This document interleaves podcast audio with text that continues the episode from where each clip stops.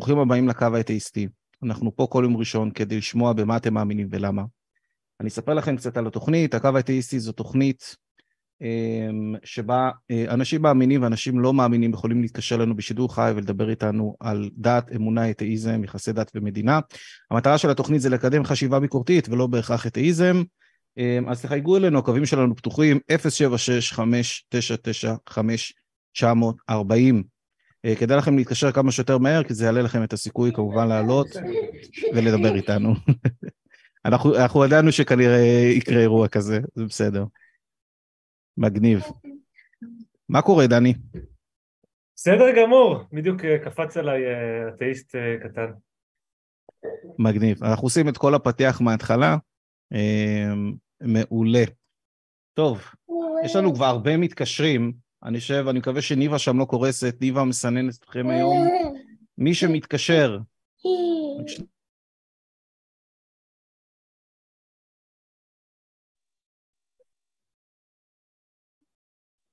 אפשר עשית לעצמך מיוט. כן, אני גם... כמובן, אה, אה, שראל מפיק אותנו וניבה אה, עושה את הסינון. מגניב, טוב. דני, אני חוזר אליך. היי. היי, מה, מה עובר עליך ב... מה עובר איתך בימים אלה?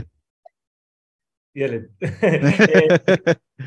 בימים אלו, אה, אני כרגיל, אתה יודע, אה, טיק טוק, בית ספר וילדים. מגניב. טוב, דני, אני רוצה לשאול אותך שאלה שאני רוצה, בדרך כלל שואל את כולם פעם ראשונה שהם עולים לקו, ובעצם אה, האם אתה מאמין באלוהים, ואם אתה לא מאמין באלוהים, אז במה אתה כן מאמין? אה, טוב, מתחילים, מתחילים חזק ולאט לאט מגבירים. אה, אני לא מאמין במה שאני חושב שרובנו מגדירים כאלוהים, אני לא מאמין בישות על-טבעית כזו שאחראית על אה, יצירת היקום שלנו, העולם בפרט. אין לי בעיה, אני כבר ישר ניגש לעניין, אין לי בעיה עם הגדרת אלוהים בתור משהו מחוץ להבנתנו, שהוביל במידה כזו או אחרת למפץ הגדול, ומאז הוא נח רגל על רגל, מה שנקרא אה, שגר ושכח. אין לי בעיה, אין לי שום דרך להפריך את זה, אין לי התנגדות רגשית לקונספט הזה, אמ, אבל יש לי המון בעיות עם אה, ישות שאכפת לה מה, קור... מה אני חושב, אה, ישות שאכפת לה מי יותר מאמין ומי ילך לאלוהים ומי ילך לגן עדן. אתה מדבר ו... על אל שבעצם כאילו סוג של אל אה, תאיסטי שמתערב בחיים שלנו, כן, שנותן כן, לנו כן. מצוות, אומר לנו איך כן. צריך להתנהג. עם זה יש לי המון בעיה, ובעיקר עם אנשים שמתיימרים לדעת מה אותו אל חושב ומה אותו אל רוצה. אה, זו, זו הבעיה העיקרית שלי. אבל אה, עם הקונספט של ישות עליונה מחוץ ל, ל, ל, להבנתנו, אין לי בעיה עקרונית. אני לא מאמין בזה, אבל לא, לא תשמע אותי אה, רב עם אנשים שטוענים דבר כזה. מגניב.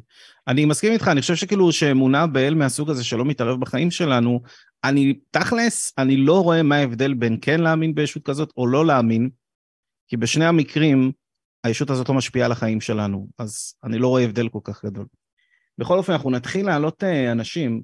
יש לנו את פרץ, והוא מאמין, הוא רוצה, הוא, הוא רושם פה שהוא רוצה לחפור, בלי כיוון על מה אנחנו מאמינים. או על למה אנחנו לא מאמינים. בואו נדבר עם פרץ. היי פרץ, שבוע טוב, מה קורה? טוב, כן. לשמור אתכם ברוך השם, איך אתם? היי פרץ. היי דני. שמעתי עליכם הרבה. פרץ קריטי, נכון? כן, ברוך השם. מה זאת אומרת פרץ קריטי? קריטי, שם משפחה. משפחה. אתם מכירים כאילו? לא, ראיתי מישהו כותב, זה אח שלי. אה, אוקיי. אני חוש לך שבלש פה תוך כדי. לא הבנתי. מגניב. מה יש לך בשבילנו עם פרץ? אה, להגיש איזה משהו מהגמרא, ובגלל זה סיפור שקרה לי, ואתם תמצאו חורים. נשמח אם אה, תמצאו, תגיד מה אתם רואים וכו'. יאללה, בבקשה, תן לנו. אפשר? כן. אבל רגע, פרץ, אני רק מקווה שהסיפור הזה קצר ומתאים למסגרת של התוכנית. קצר ביותר. אתה כבר מנוסה בתוכנית, נכון? זה לא פעם ראשונה שאתה מדבר איתנו. ודאי, ודאי. יאללה, מגניב, אנחנו איתך. סע. הגמרא מספרת על רבי מאיר בעל הנס, שהוא אה, קצת אה, שתה יין וכולי, ונשתכחה ממנו קצת התורה. אני לא שומע, פרץ, סליחה שאני עוצר אותך, אני לא שומע אותך כל כך טוב, אתה קצת קרוב מדי אולי לפייה, אתה יכול להתרחק? עכשיו הוא טוב? בוא ננסה, יאללה. רגע, רגע, רגע, אני מנתק מהרמקול. עכשיו זה טוב? או, היית צריך לעשות את זה מההתחלה. חבר'ה, לכל מי שמתקשר, כדי שנשמע אתכם הכי טוב, אני אומר לכם מראש, תעלו לדבר בלי רמקול. יאללה, אנחנו איתך. כן. אז רבי מאיר בעל נס שתה קצת יין וקצת שכח מתלמודו, שכשהוא בא לקרוא, אז הוא קרא בפסוק החודש הזה לכם, בטעות הוא קרא, יצא מפיו, החרש היה ליבם. במקום החודש, אז החרש, רש ודלת, במקום היה, אז הזה, וליבם לכם. אז כביכול הוא הבין שכשהוא קרא החודש הזה לכם בפסוק, והוא הוציא בפיו החרש היה ליבם, הוא הבין שכביכול, מסתם, כביכול החוכמה של התורה שלו, וכביכול הלב שלו. ואז הוא הבין שכביכול הקדוש ברוך הוא רומז לו שבגלל שהוא שתה יין, בגלל זה הוא שכח מהתורה. מצטער, לא צריך להבין שום דבר מהסיפור. אוקיי. אתה צריך להבין את הסיפור, דני? סיפור מרתק, כן. אה, כן אני פשוט שומע את עצמי. אם הבנתי נכון, אז במקום החודש הוא קרא חירש. אני לא צריך להבין, אבל מה הטיעון? אתה, פרץ, אתה מקשיב, אם אתה מקשיב גם ליוטיוב במקביל, או משהו כזה, פשוט... זהו, ניתקתי את זה עכשיו, כן, מה הטיעון, פרץ? לא הצלחתי להבין. הטיעון, שעכשיו אני אספר לכם איך זה קרה אצלי, ואז תמצא בתחורים. הייתי בעבודה, לא משנה, מחילה שזה הסיפור. אני מצטער, פרץ, אני, אני, אני, סליחה שאני עוצר אותך, באמת שאני לא מתכוון להתקטנן, אבל ממש לא הבנתי את הסיפור שלך. אה, אה, לא הדגשת, לא, לא הדגשת לנו את הסיפור בצורה שאפשר להבין אותו בצורה אה, בהירה. אוקיי, אז בשתי מילים, רבי מאיר שטיין קצת שכח תלמודו, שכשהוא בא לקרוא החודש הזה לכם בתורה, הוא בטעות קרא, הוציא מפיו, החירש היה ליבם. כאילו הלב שלו, בגלל שאתה יין, נעשה חירש כביכול לתורה. אוקיי. ואז הוא הבין שהקדוש ברוך הוא כביכול הוכיח אותו. והוא רצה להגיד החודש הזה לחיים, בטעות הוא קרא, החירש היה ליבם. ואז הוא התעורר, הוא אמר, מה אמרתי? אז הוא הבין שכביכול הקדוש ברוך הוא רומז דרכו, שמזה שהוא שתה יין, הוא כביכול נעשה, הלב שלו חירש לתורה. עד לפה מובן הסיפור? כן. יפה. עכשיו אצלי איך זה קרה, ואז תמצא חורים. הייתי בעבודה גם בשתי מילים, ומחילה מכבודכם, מכבוד המקום, הייתי צריך להתפנות.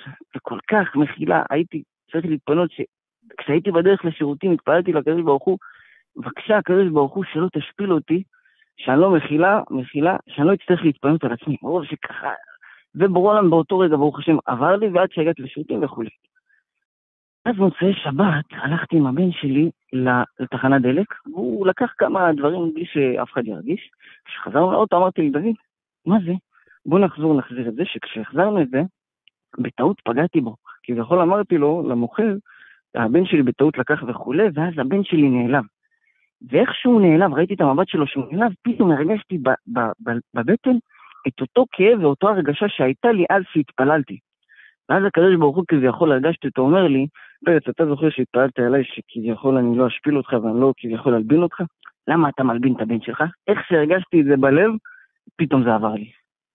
אז כביכול פה הקדוש ברוך הוא מדבר עם האדם. זה לא פרץ, מה, אז פרץ, אני מצטער, אני, יש לנו איזה 12, 12 אה, מתקשרים, ואנחנו לא מצליחים להבין את הסיפור שלך, והוא נמשך ונמשך, בוא ננסה להגיע לסוף של הסיפור. זהו, זה הסיפור. זה הסיפור. מה, אוקיי. מה המסקנה שלך מהסיפור הזה? שכביכול הקדוש ברוך הוא רוצה להוכיח בן אדם, הוא מוכיח אותו בדרך שלו. ודרך האדם עצמו הוא יכול להבין שיש הקדוש ברוך הוא. וככה זה כל אדם, רק כל אחד איך שהוא מתנהל עם החיים שלו. מה יש לך להגיד על זה, דני? אתה מבין מה אני אומר? אה, בסדר. כאילו אם זה מה שפרץ בוחר להאמין, על הכיפאק, אין לי שום בעיה. אני אספר לך סיפור נגדי, פרץ, לפני כמה ימים, ביום שישי, רציתי להגיד לאשתי, אני הולך לקנות תותים בסופר, ויצא לי, אני הולך לקנות סופים בטוטר. ואני בטוח שמי שרוצה יכול למצוא איזשהו הקשר לזה שאלוהים אמר לי משהו בשביל לקרב אותי לדעת. אני בטוח שאפשר. למה, למה? איך, בוא, איך זה אפשרי?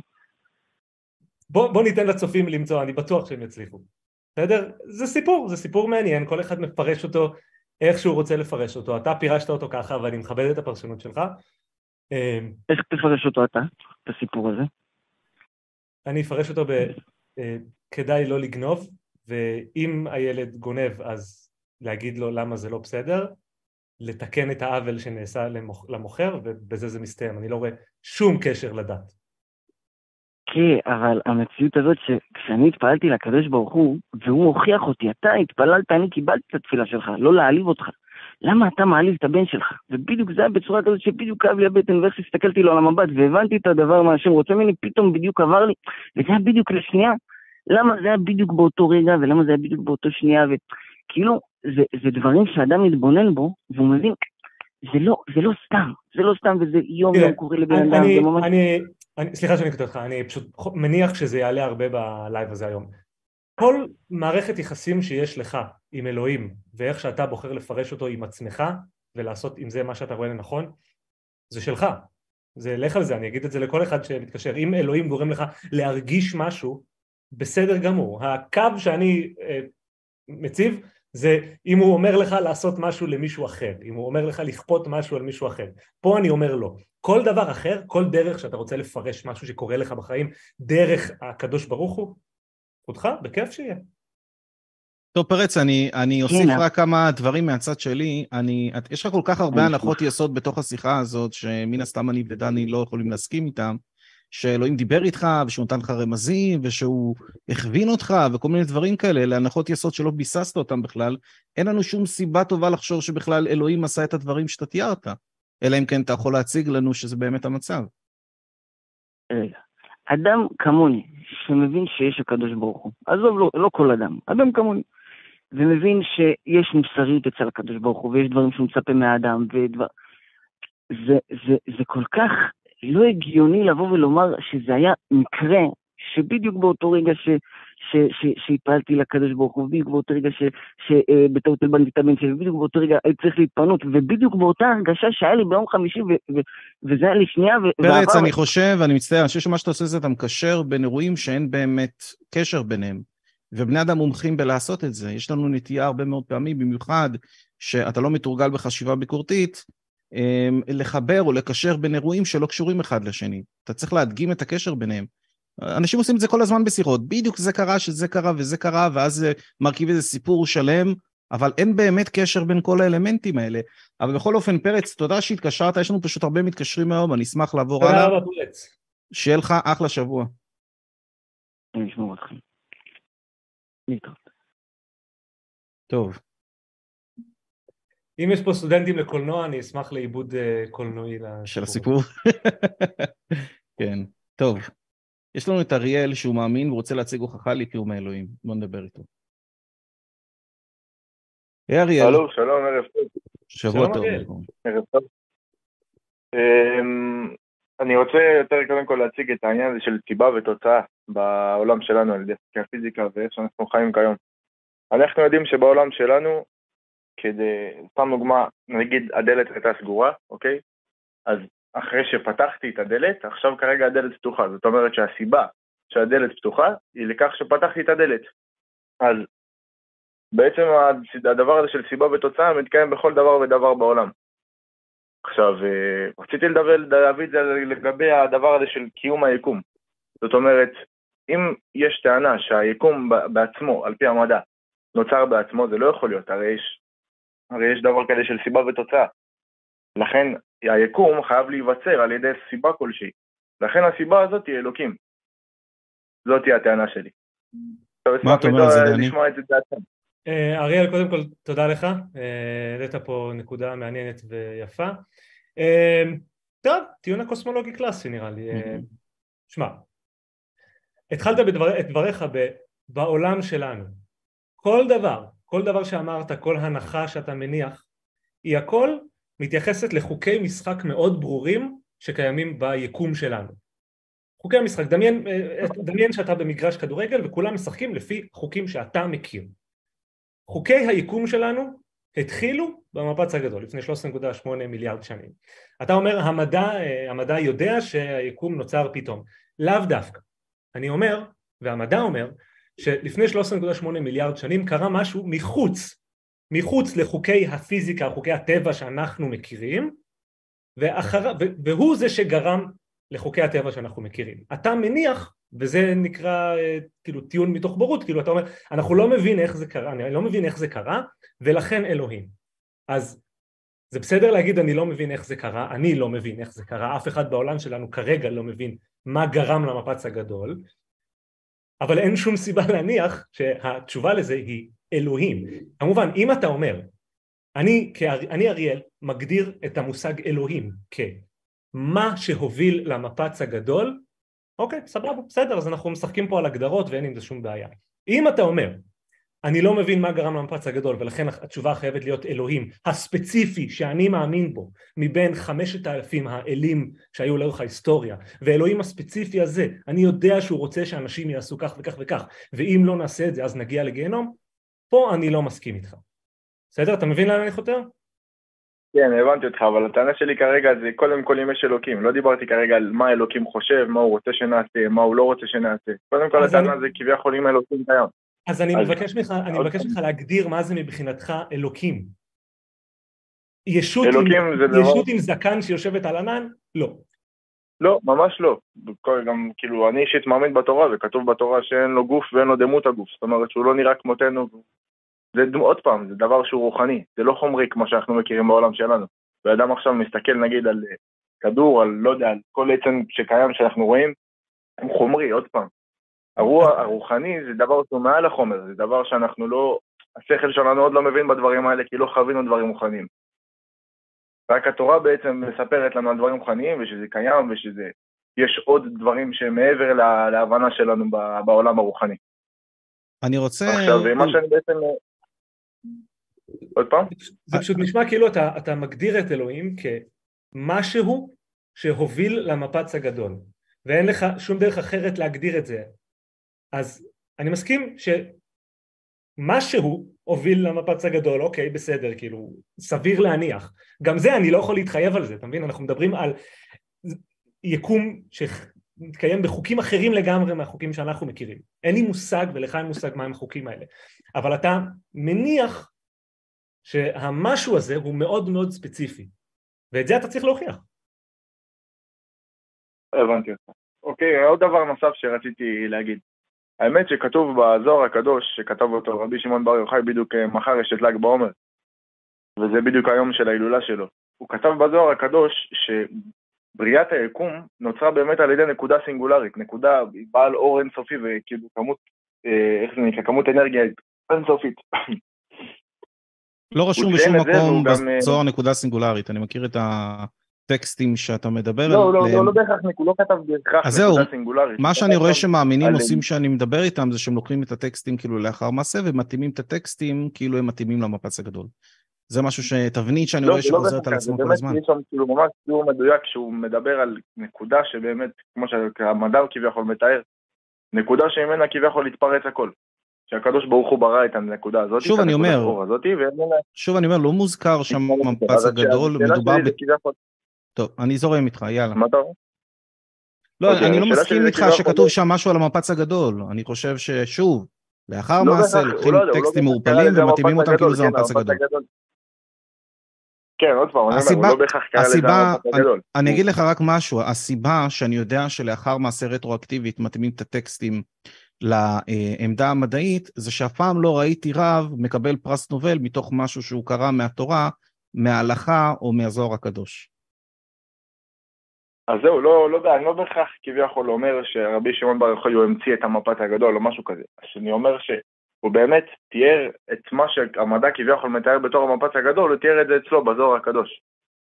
ומה שהוא כתב אני, על אני, הנקודה. לא הסכמתי איתך, אבל בסדר, בוא נתקדם. אנחנו, אנחנו לא מסכימים איתך, אבל אוקיי. נגיד גם אם כן, אז מה, מה זה אומר? מה, מה מבחינתך? אז לומר רק אתם לא מסכימים איתי, שאני כאילו אבין? אני לא מסכים, מה אני לא מסכים איתך שהרבי אה, חזה את המפץ הגדול, אני לא מסכים איתך שהוא היה לו מושג מה זה מפץ גדול, אני לא מסכים איתך שהיה לו שמץ של מושג מה קרה מחוץ לכותלי העולם שבו הוא חי באותה תקופה. אמ, וזהו. כאילו אני חושב שיש פה שוב כמו בהרבה מקרים אחרים יש פה פרשנות שהותאמה ב cherry picking אחרי שכבר ידעו מה זה המפץ הגדול מתי אני אתרשם יותר? כשאיזה רב יחזה מה אה, ג'יימס ווב הולך לגלות תכף, אז אני אתרשם. כי מה שאני רואה כל הזמן שרבנים עושים זה אוקיי המדע גילה משהו בואו נתאים אותו למה שאנחנו אה, אומרים בזוהר או בגמרא או בכל דבר אחר.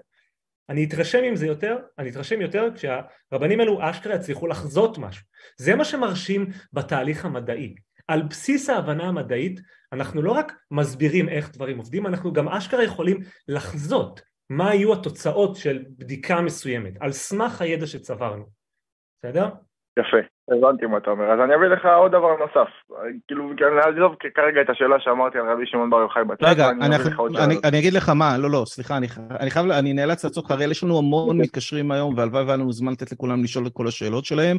שאלת שתי שאלות היום, אני חושב שדני אה, ענה לך, או לפחות ניסה. אה, אנחנו נסיים כרגע, אנחנו נעבור למתקשר הבא, בסדר?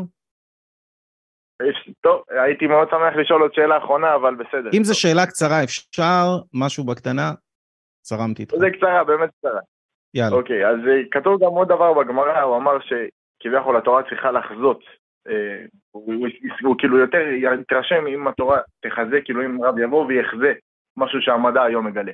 אז אה, כתוב בתורה, בגמרא, שכביכול מתואר שם את מספר הכוכבים המדויק שהיה בחלל, בכל היקום כולו, בבריאת העולם.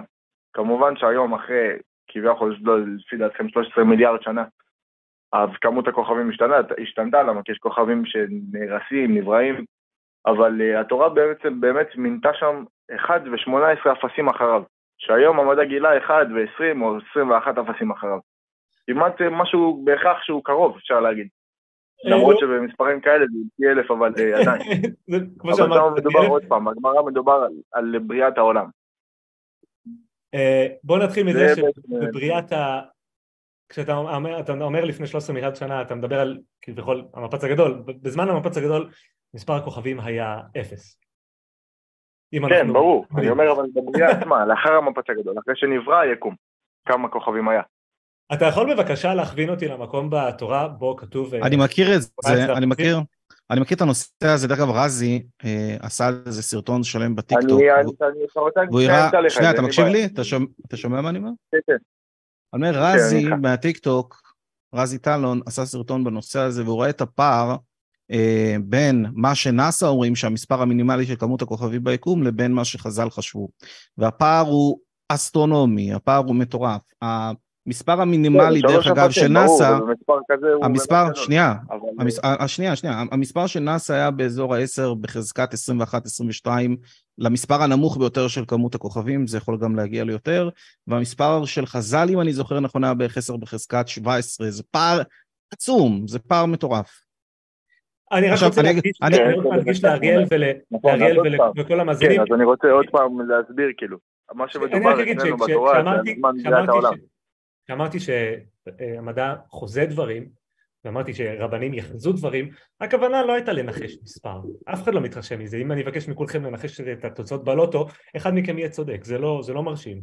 הכוונה לחזות בצורה שאתה יכול להסביר לפרטים איך תהליכים עובדים בטבע. זה נקרא לחזות דברים. אני רק אוסיף דבר אחד לאריאל, לא שאני אגיד לך אריאל למה המספר הזה, שנייה, אני אגיד לך אריאל למה המספר הזה לא רלוונטי. הוא לא רלוונטי כי כמות הכוכבים ביקום משתנה בכל רגע, הכוכבים מתים ונוצרים מחדש כן, זה מה שאמרתי כל הזמן, לכן... ובגלל זה המספר הזה הוא לא רלוונטי, אז אין לנו באמת מה לעשות עם זה. אני אתן לך אוקיי, דוגמה, אם, אה, אני, אני רק, הזמן שלנו באמת קצר, אבל אם היה כתוב בגמרא שהכוכבים בשמיים הם שמשות ויש סופרנובות והן מתפוצצות והן נוצרות מחדש על ידי תהליכים מורכבים כמו היתוך של מימן, הייתי אומר, וואו, איך היה להם את הידע הזה לפני שלושת אלפים שנה? אבל אני לא רואה שום דבר כזה, אתה מבין? אני רואה טקסטים מעורפלים שלאחר מעשה מנסים להתאים אותם לממצאים המדעיים. סבבה? תודה אריאל, שיהיה לך אחלה שבוע, אנחנו עוברים לצופה הבא. תודה רבה אריאל. לילה טוב. לילה טוב. מגניב. עד שיעלה הצופה אני אגיד שכאילו המקרה הקלאסי מבחינתי בהקשר הזה זה יש אנשים שאשכרה אומרים לי אה כן התורה חזתה את המפץ הגדול כי כתוב ויהי אור mm-hmm. משל אני אגיד לך משהו אתה קורא את כל הסדר של הבריאה אתה רואה שמי שכתב את הסיפור הזה לא מבין באמת איך העולם עובד. כי כשאתה מסתכל לדוגמה, אם אני זוכר ביום השני, אלוהים יוצר את המים ואת האדמה, ואז יקבו כל המים למקום אחד, ויוצא דשא, ואז ביום השלישי הוא יוצר את הכוכבים. כן. איך הדבר הזה עובד? אנשים לא מבינים שאתה חייב כוכבים בדיוק. בשביל שייווצר אדמה ומים. הסיפור, הסיפור הבריאה הזה תואם בדיוק כתיבה של בן אדם רגיל, בשר ודם, שחי באותה תקופה, כמו אה, כל התנ"ך, זה, זה ממש נכון. לגמרי. מגניב. אה, טוב. אני יכול, אמרו לי שלמה אני לא פותח live גם בטיקטוק. טוב, לא, נעשה את זה עכשיו, אבל אני יכול לעשות את זה. זה קצת תהליך יותר מורכב דרך ה desktop, אתה יכול לעשות דרך הטלפון, אבל אני חושב שיהיה בעיה לקשר את זה. מגניב. אני רוצה לשאול אותך שאלה לפני שאנחנו עוברים למתקשר הבא, דני, ו... מאיפה אתה שואב רעיונות לסרטונים שלך? זה משהו שבאופן אישי ממש סקרן אותי. משאלות של אנשים. מפגיזים אותי בשאלות עשרות כל יום, לפעמים קצת יותר, לפעמים קצת פחות, אז אני כזה לוקח פה ושם, ובוא נגיד שאם קורה איזה אירוע רציני או משהו ספציפי, לדוגמה ג'יימס ווב ששוגר, אז אני עושה על זה, אבל אני מאוד ספונטני. אני, כשאני קם בבוקר אני אף פעם לא יודע על איזה סרטון, איזה סרטון אני הולך לעשות היום. אתה בעצם סורק את הצ'אט ואתה מנסה לדלות משם כן, כאילו... כן, אני נקרא לזה דוגם, אני לא... הבנתי. לא שאני עושה מחקר מעמיק, אבל כן.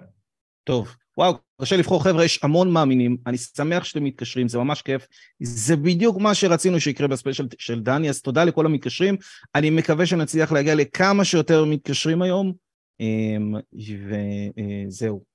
חבר'ה, הקווים שלנו פתוחים, 076-5995-940, אתם מוזמנים להתקשר, אתם גם מוזמנים לעקוב אחרינו בקבוצה שלנו בפייסבוק של הקו האתאיסטי, אנחנו ממשיכים את הדיונים שם לאחר התוכנית, וכמובן לעשות לנו לייק כמובן לדף שלנו בפייסבוק, וגם לעשות פה subscribe, להירשם לערוץ, אנחנו נמצאים פה בכל יום ראשון ומנהלים את השיחות האלה. אנחנו נעבור למתקשר הבא, קשה לבחור, אנחנו, בוא נעשה את זה לפי הסדר, בוא נראה מי מחכה פה הכי הרבה זמן, אנחנו נעלה את רון. רון מאמין, הוא רוצה לדבר על אם אמונה לא פוגעת לך בחיים, אז למה לא להאמין? רון, שבוע טוב, מה קורה? הלו, מה קורה? היי רון. אהלן. אני, אני את האמת לא, לא יודע אם אני מאמין או לא מאמין, אני לא סגור על האמונה שלי, אבל פשוט אני נתקלתי איזה יום אחד בדבר הזה בעצם, שכאילו, אם האמונה לא פוגעת לך בחיים, אז כאילו, מה אתה מפסיד?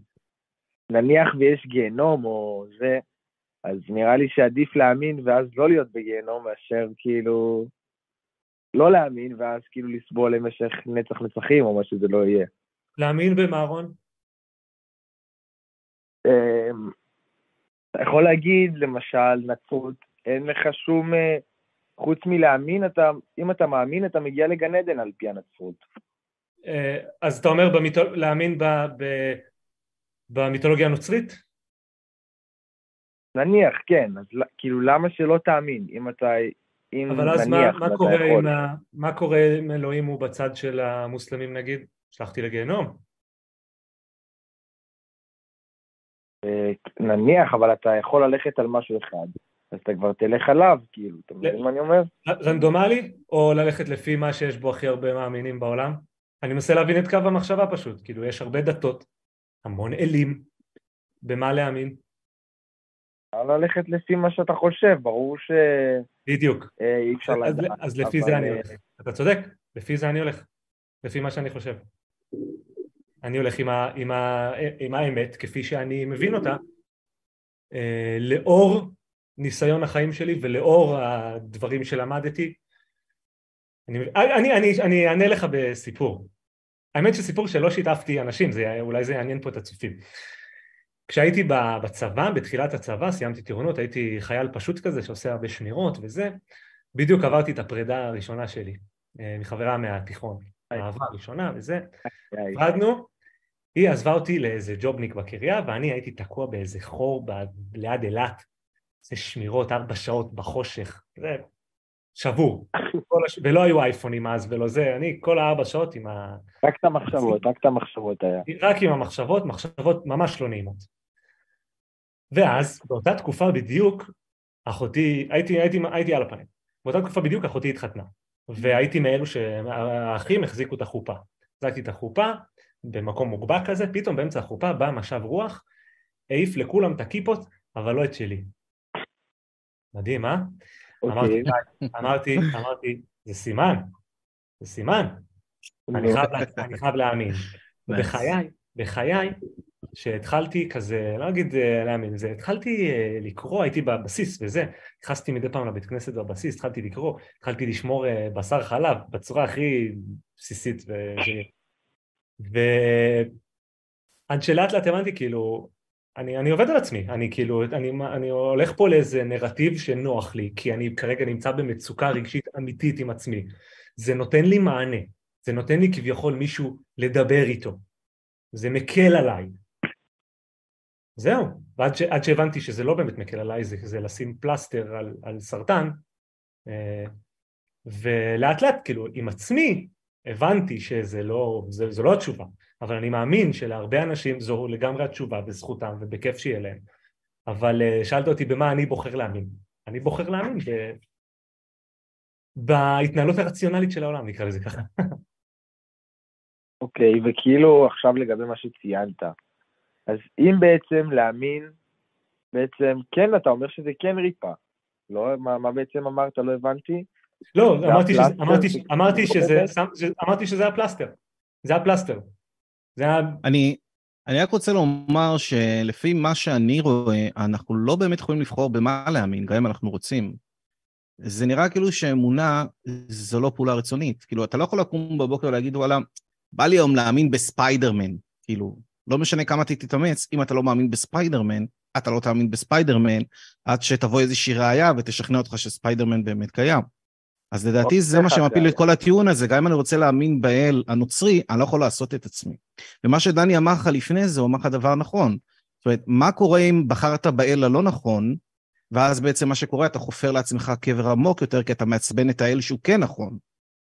ו- כן, את האמת, אה, כן, זה מאוד אה, מעניין. אז זהו, אז חוץ מזה- אני רק רוצה להגיד דבר אחרון, סליחה, בשביל אתאיסטים, ההסתברות שקיים אל שאוהב מאמינים או שונא מאמינים היא זהה.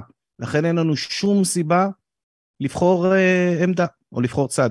דני, תמשיך. אני רק רוצה להגיד שכאילו, אריאל, סליחה, רון, רון, נכון? רון. כן, אם, אם יש אלוהים כל יכול ש, שנכנס למחשבות שלנו ויודע הכל וזה, אני לא יודע אם הוא יאהב את זה שאני אוהב אותו מתוך אינטרס אישי. כאילו, אני, אני, אני מאמין באלוהים כי אני רוצה להרוויח מזה שאני לא אגיע לגיהנום, נראה לי, נראה לי זה לא האמונה שהוא היה רוצה, לא ככה? סתם, סתם מחשבה. אה, אני חושב שבעצם כל אחד שמאמין באלוהים זה בעצם אינטרס אישי, לא? אה, תראה, כן ולא, כאילו הכל בעולם זה אינטרס אישי, אבל נראה לי זה פשוט... אה, אני מאמין בו בשביל רווח. זה, זה כאילו, זה, זה מה שהוא מחפש, אנשים שיאמינו בו בשביל רווח. אתה אפילו לא מאמין בו בשביל רווח, דני, אתה עושה את עצמך מאמין בו כן, בשביל כן, רווח. כי תכלס, אתה לא יכול לבחור. להאמין, אז מה, הוא לא מאמין ידע. את זה? אני מסכים איתך לגמרי. מה, אה, מה אם קיים, כן, אבל- רון, מה, מה אתה אומר, אם קיים אל שבכלל שולח לגיהנום אנשים שהם לא ספקנים, מישהו שמאמין מסיבות גרועות, פשוט שולח אותם לגיהנום, זה כל המשחק הזה שקורה פה, ואלה שבאמת קיים, הוא שולח לגן עדן אנשים ספקנים, אנשים שמפעילים את השכל שלהם, שחושבים בצורה ביקורתית, שמנסים לגלות את האמת, שמנסים להיות אובייקטיביים, מה קורה אם זה המצב? אתה מבין את הבעייתיות? כן, ברור, חד משמעית יש בעייתיות. אבל אה, כן, אני פשוט חושב שכאילו הלכתי על אמונה מסוימת, וכאילו זהו, וזה גם נותן לי נחת. זה גם כאילו, מה יש לי להפסיד? אני עדיין עם זה. אחרי כל השיחה שלנו, אתה שואל מה אפשר להפסיד, הרגע הסברנו לך. אני חושב, שוב, אני, אני אגיד את זה הרבה, כל אמונה שנותנת לך נחת, נהדרת, כל עוד היא אמונה פנימית. כלומר, אם זה, אתה אוהב אה, גלידה בטעם תות, נהדר, תאהב אותה, תסגוד לגלידה בטעם תות, אבל לעולם, ולעולם, אל תנסה לכפות לאנשים אחרים לאהוב גלידה תות, זה הכול. אני, אני, אני חייב, דרך אגב, יש לי אה, סייג על מה שאמרת, דני. כי יש אמונות מסוימות שיכולות גם לפגוע בך, אמונות שהן לא מוצדקות. זאת אומרת, אנחנו אומרים באופן כללי שכאילו עדיף לנו להאמין בכמה שיותר דברים נכונים וכמה שפחות דברים לא נכונים, כי אז נוכל לקחת החלטות יותר נכונות על החיים. יכול להיות שיש. אמונה שעושה לי ממש טוב, שזכיתי בלוטו, אבל לא באמת זכיתי בלוטו, ואז אני מסתובב, מפזר מיליונים, כסף שאין לי, ואני מכניס את עצמי לחובות. ואז עושה לי ממש טוב להאמין שזכיתי בלוטו. וזה שאמונה עושה לך ממש טוב, זה לא בהכרח אומר שראוי להאמין בה. אתה מבין מה אני אומר, רון? אה, כן, אבל אה, אם אתה נכנס לחובות אז היא לא עושה לך טוב פשוט. לא, אבל אתה, בתקופה מסוימת היא עושה לך טוב, עד שהיא כבר לא ממש עושה לך טוב. כי אתה מבין שהאמונה לא מוצדקת והכנסת את עצמך לחובות. כן, יש בזה משהו בהחלט, חד משמעית. מגניב. טוב, ממש תודה רון, היה כיף לדבר איתך, אנחנו נעבור הלאה. רון, היה ממש כיף לדבר איתך, תודה רבה שהתקשרת. תודה רון. ביי. ביי. ביי. מגניב.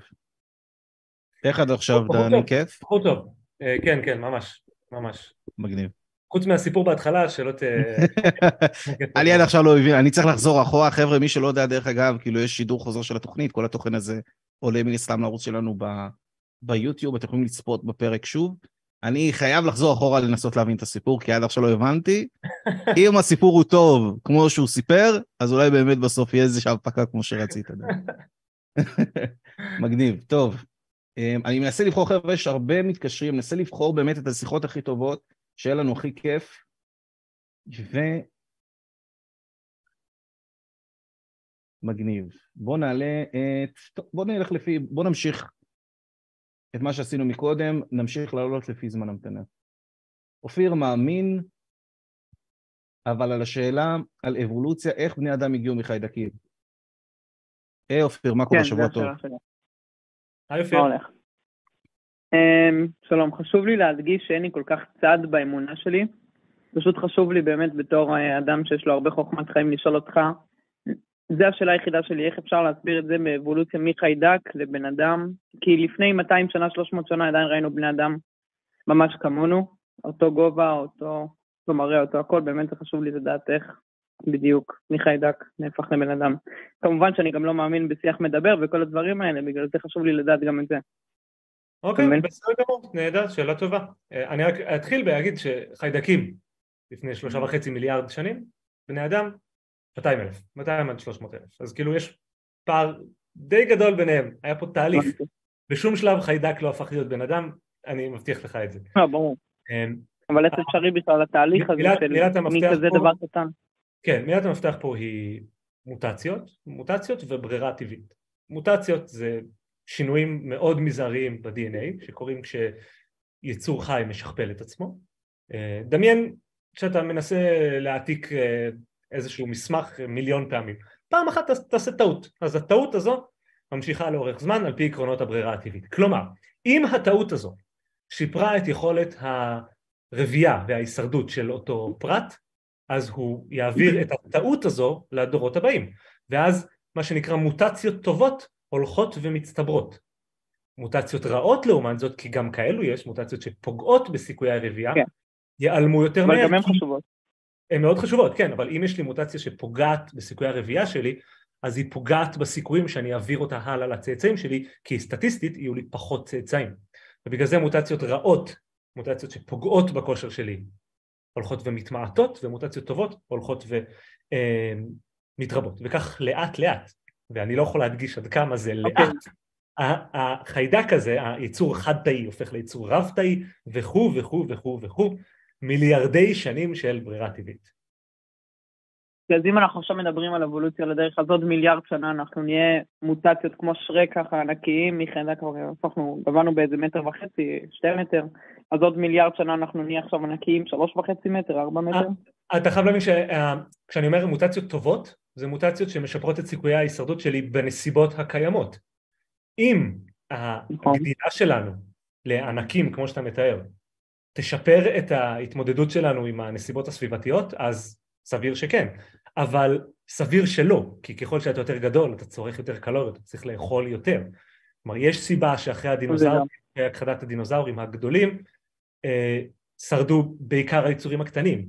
זה יותר יעיל פשוט יותר יעיל אתה צריך לאכול פחות ובתנאים של מחסור אוקיי, אבל מחסור נגיד, כמו אה, שהיו אחרי ההכחדה הגדולה אז יש יתרון לחיות הקטנות אבל עכשיו הרי שככל שאנחנו מתפתחים, אה, פחות מקום בעולם, האקלים משתנה, זה עדיין משפיע על המוטציות ועל החיידקים, לא? כי גם אה, כן, האקלים משתנה. אבל עכשיו, ו- אבל עכשיו, יש משהו. שמשפיע, עכשיו יש משהו שמשפיע הרבה יותר על האבולוציה שלנו לפחות, וזו הרפואה. זאת אומרת, ההתפתחות היא יותר מהירה? לא, ספציפית עכשיו אנחנו, אני אומר, הרפואה המודרנית, אה, אני לא רוצה להגיד אה, מאטה, אולי זו מילה, היא מעוותת את אה, תהליך הברירה הטבעית, בגלל שהוא כבר לא טבעי. בגלל שעכשיו אם מישהו שנולד עם מוטציה שפוגעת בסיכויי ההישרדות שלו, ופעם היא הייתה באמת משפיעה לרעה על הצאצאים שלו, על קיום הצאצאים שלו, הפעם אנחנו, היום אנחנו מטפלים בבעיה הזו, אוקיי? אנחנו, הרפואה המודרנית מנציחה בעיות. אני לא מדבר פה על הפן המוסרי, אני לא אומר שזה רע או משהו, אני פשוט אציין עובדה שזה משהו שמעוות את תהליך הברירה הטבעית שדיברתי איתך עליו אה, מקודם.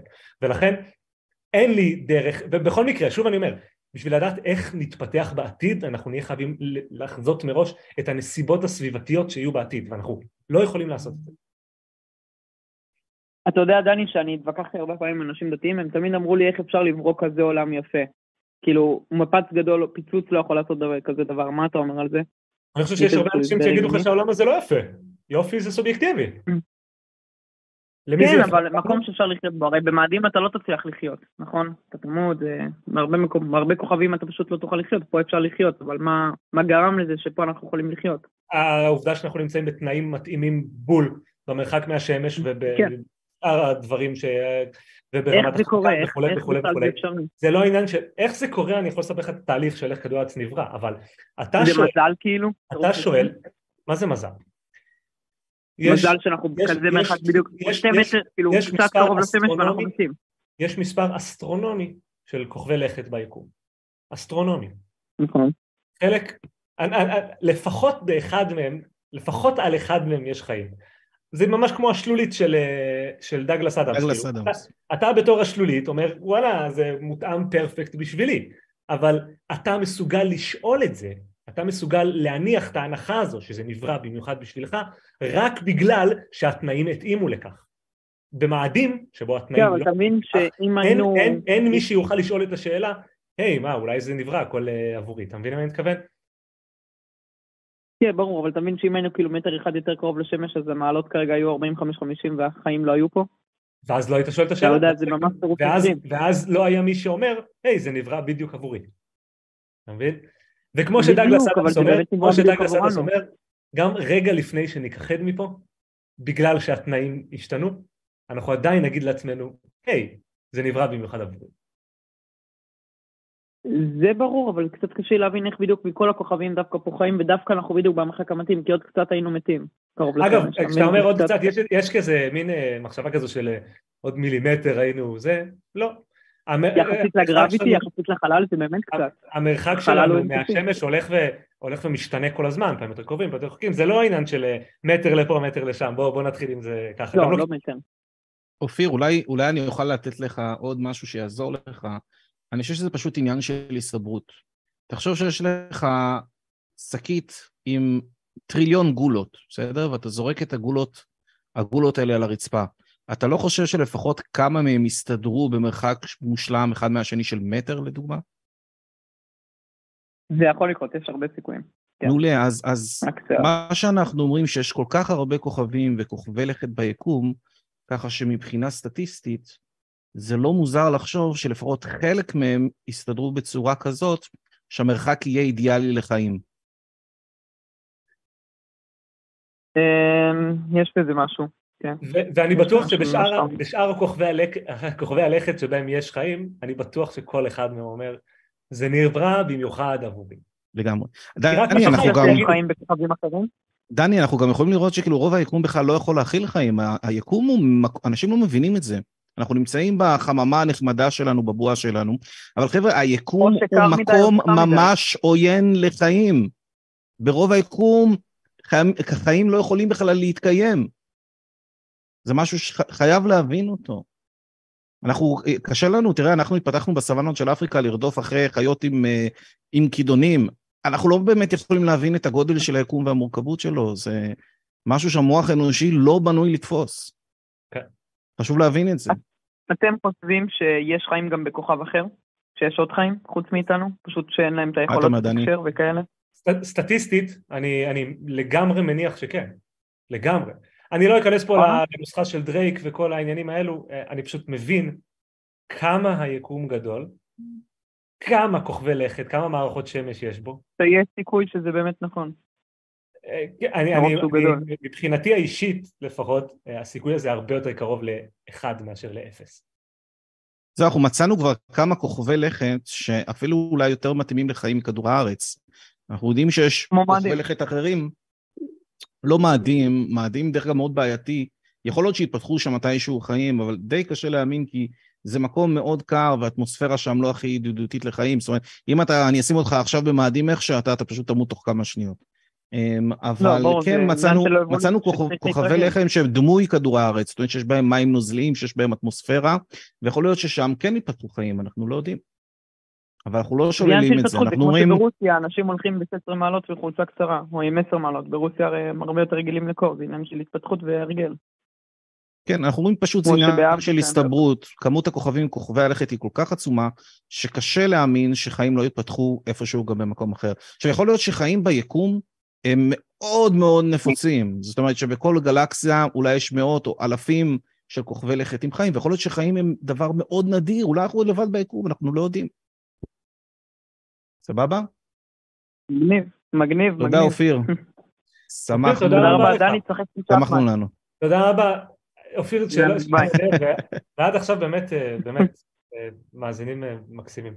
יש לו שאלות מעולות לאופיר. תודה אופיר, שבוע טוב. כן. ביי אופיר. תודה רבה. ביי ביי. היי, דדי בתגובות. שלום דדי, וואלה. אה, איזה אנשים טובים. מגניב. טוב, אנחנו נעבור הלאה. יש לנו את דן שהוא מאמין, והוא הוא בעצם אומר מה השפעת האמונה על האדם ולמה כדאי להאמין. היי דן. מה קורה? שבוע טוב.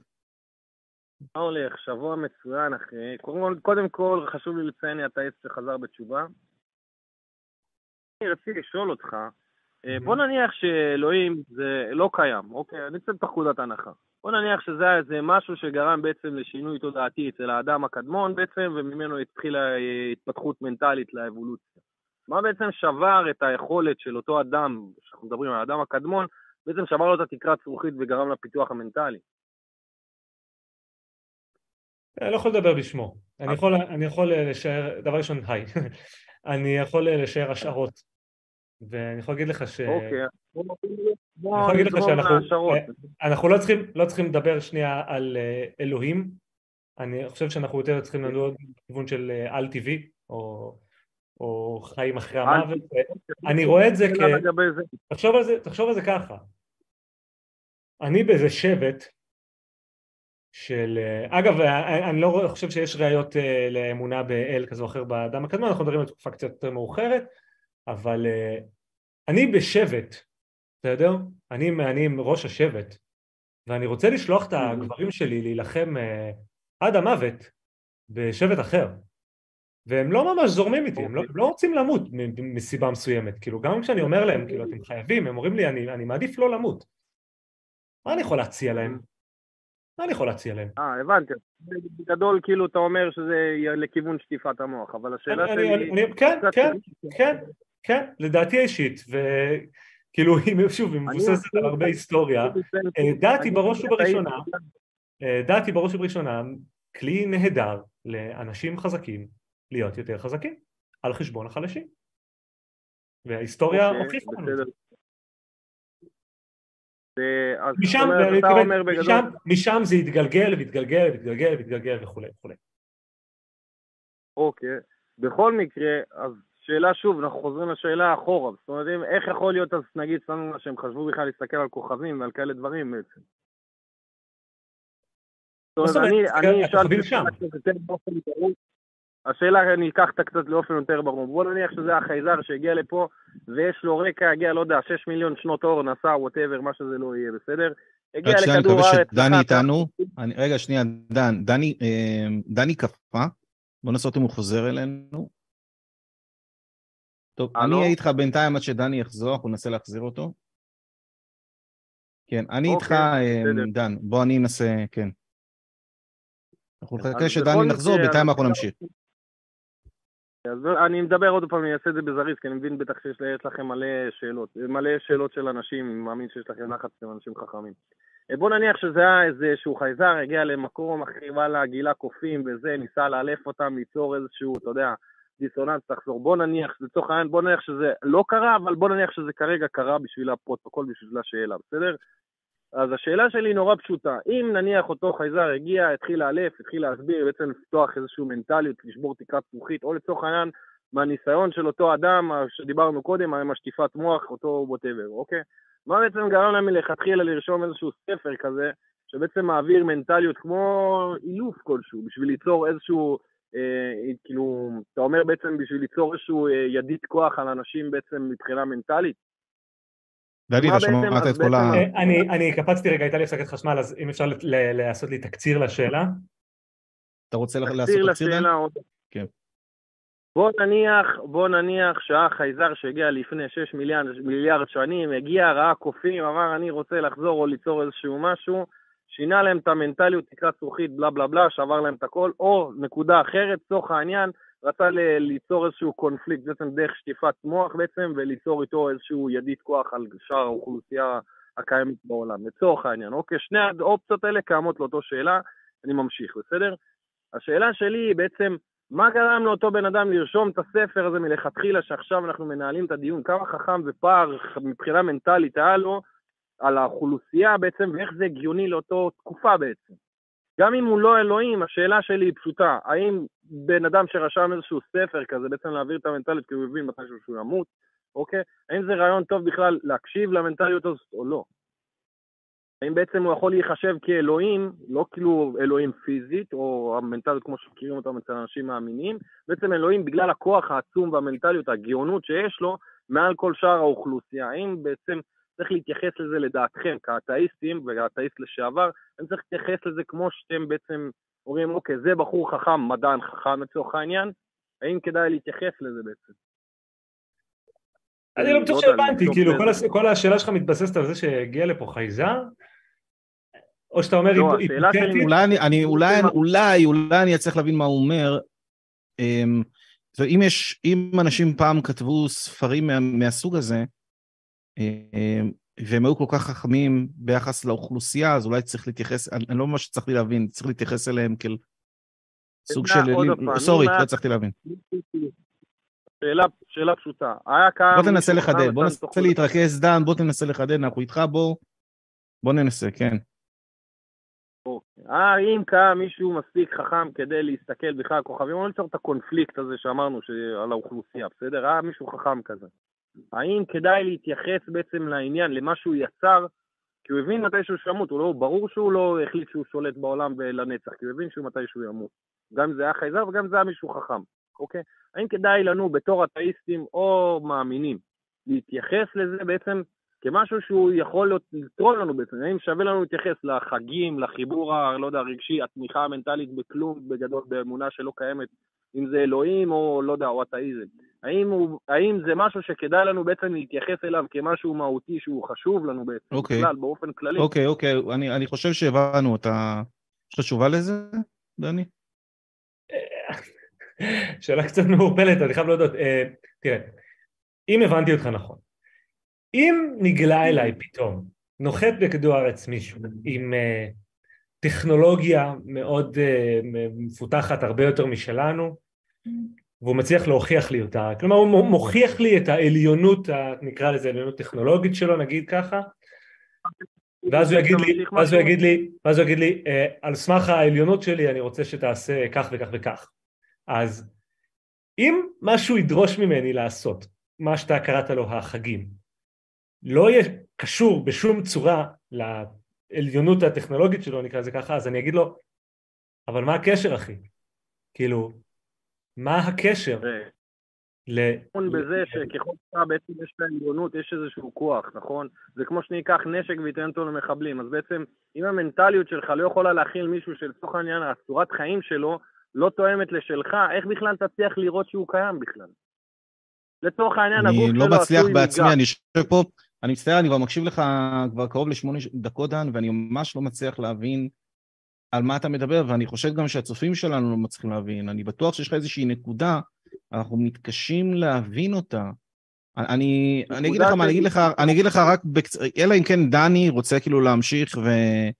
אני, ולענות, אתה... אני, אני לא בטוח שהבנתי, אני אתחיל, אני אגיד פשוט, כי אתה שאלת אם להתייחס, אני מתייחס לכולם, לי, אני אתייחס אליו. אני אתייחס לכל מי שבא ואומר לי איזה משהו ומציע לי איזו הצעה. אבל אם ההצעה הזו, אה, מה שנקרא, מצוצה מהאצבע, אני אגיד לו, ההצעה שלך מצוצה מהאצבע, זה, זה הכל מבחינתי, אני לא יודע, אני לא חושב... יודע כמה בטוח שהבנתי. דני, אני חושב שאפשר לסכם לא, שאני לא חושב, אני לא חושב שאף פעם צריך להקשיב לבן אדם רק כי הוא חכם. צריך להקשיב לו, לא, כי הוא לא יכול להציג... אני לא יודע. חייזר, בן אדם, מבחינתי זה לא משנה. אני לא חושב שאף פעם צריך להקשיב למישהו רק כי הוא חכם. אני חושב שצריך להקשיב למישהו מתי שהוא יכול להציג ראיות לטיעונים שלו. אוקיי, אפשר רגע להגיד? הנקודה שלי היא לא להקשיב למישהו שהוא חכם, הנקודה שלי האם אתם, אם אפשר בכלל לראות משהו עם אותו, עם בעצם ה-level בין שני הרמות כל כך פער גדול, שבעצם אין בעצם איך להסביר, זה כמו שתי שפות שונות לגמרי, זה כמו שאני אסע לצורך העניין סקייטבורד מעופף, ואז אחזור לראות מישהו רץ עם חנית, בעצם איך אני יכול להסביר הבנתי, זה כמו שאני לא יכול להסביר, זה כמו שאני לא יכול להסביר לשימפנזה את תיאוריית היחסות של איינשטיין, זה הכוונה שלך? בדיוק. אז בעצם, אז השאלה שלי, בעצם הטענה שלי זה שאם היה מישהו מספיק חכם אז, יש פער כל כך גדול שהוא בעצם צריך לספר איזשהו סיפור כדי שיצליחו להבין את זה, ועד שלא תקרא את הסיפור ותעבוד לפי הסיפור, יהיה לך קשה בעצם להכיל את המנטליות בכלל, את המסגרת של התמונה בכלל, אתה לא, יהיה קשה לראות אותה. תראה, אני חושב שההיסטוריה, ההיסטוריה, ההיסטוריה שלנו בכדור הארץ לימדה אותנו את התשובה לשאלה שלך, זה, זה יש ויש, זה תלוי מקרה, כאילו כשה... כשה אירופאים אה, פלשו לעולם החדש, היו מקומות שקיבלו את ה... ספציפית את הנצרות ואת כל מה שהאנשים, האנשים האירופאים האלה הביאו איתם והיו מקומות שאמרו לא ואני רוצה להרוג אתכם. כלומר יש ויש אין פה תשובה אה, חד משמעית אין פה כלל אצבע. אני רק אגיד דבר אחד ובאמת אנחנו נסיים דן ונעבור הלאה כי לתת הזדמנות לאנשים נוספים זה שאם יש אל כל יכול וחכם ויש לו שליחים שהם יותר חכמים בצורה קיצונית מאנשים אחרים, או חייזרים או whatever, אותו אל צריך לדעת בדיוק אה, מה לומר לנו, או, או מה להעביר לנו כדי שנשתכנע שהוא קיים, אה, ועד עכשיו אנחנו לא רואים שמישהו עשה דבר כזה. אבל בכל אופן, דן, היה קצת לא ברור, אולי תתקשר שבוע הבא, תנסה לחשוב על זה שוב, להסביר את עצמך קצת טוב יותר, נוכל לענות לך גם בצורה טובה יותר, סבבה? שיהיה לך שבוע טוב, דן. תודה, דן. תודה רבה.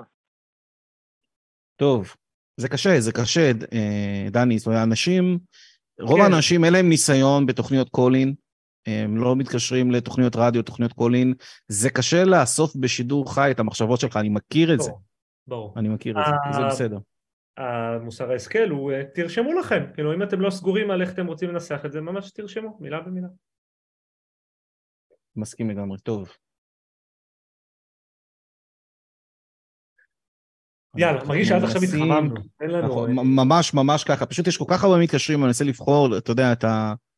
את ה... תנו לי בראש, שאלתי שרוולים, יאללה. מגניב.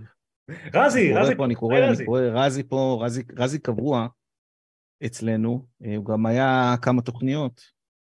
טוב, אנחנו נעלה את... אה, טוב, אנחנו נמשיך בטרנד שלנו. אם לכל נברא יש בורא, דני, אז מה הבורא של הנברא הראשון? איתי והוא בערך מאמין. מה קורה איתי? שבוע טוב. מה נשמע? שבוע טוב. שבוע טוב, אנחנו איתך, דבר אלינו. שאני אתחיל ואגיד, אה, דני, אתה מלך. אה, תודה. אה, עכשיו, השאלה שלי היא, אני כביכול אדם לא מאמין. עכשיו, כל נושא הדת זה נושא שמאוד מעניין אותי. רגע, אבל רשמת בערך מאמין, חבר'ה, לפחות תהיו אמינים עם המסננים שלנו, אל תתחזו למאמין. לא, האמת שלא אמרתי בערך מאמין, אף פעם לא אמרתי בערך מאמין. לא יודע, ככה היה רשום לי, אבל אוקיי, כן, אני אגיד לך מה, חבר'ה, יש לנו העדפה באופן כללי להעלות מאמינים קודם, כי זה בסופו של דבר המטרה של התוכנית. אה, אז תשתדלו בבקשה להזדהות בפני ניבה, אורי, או מי שמסנן אתכם בתור מאמינים או לא מאמינים.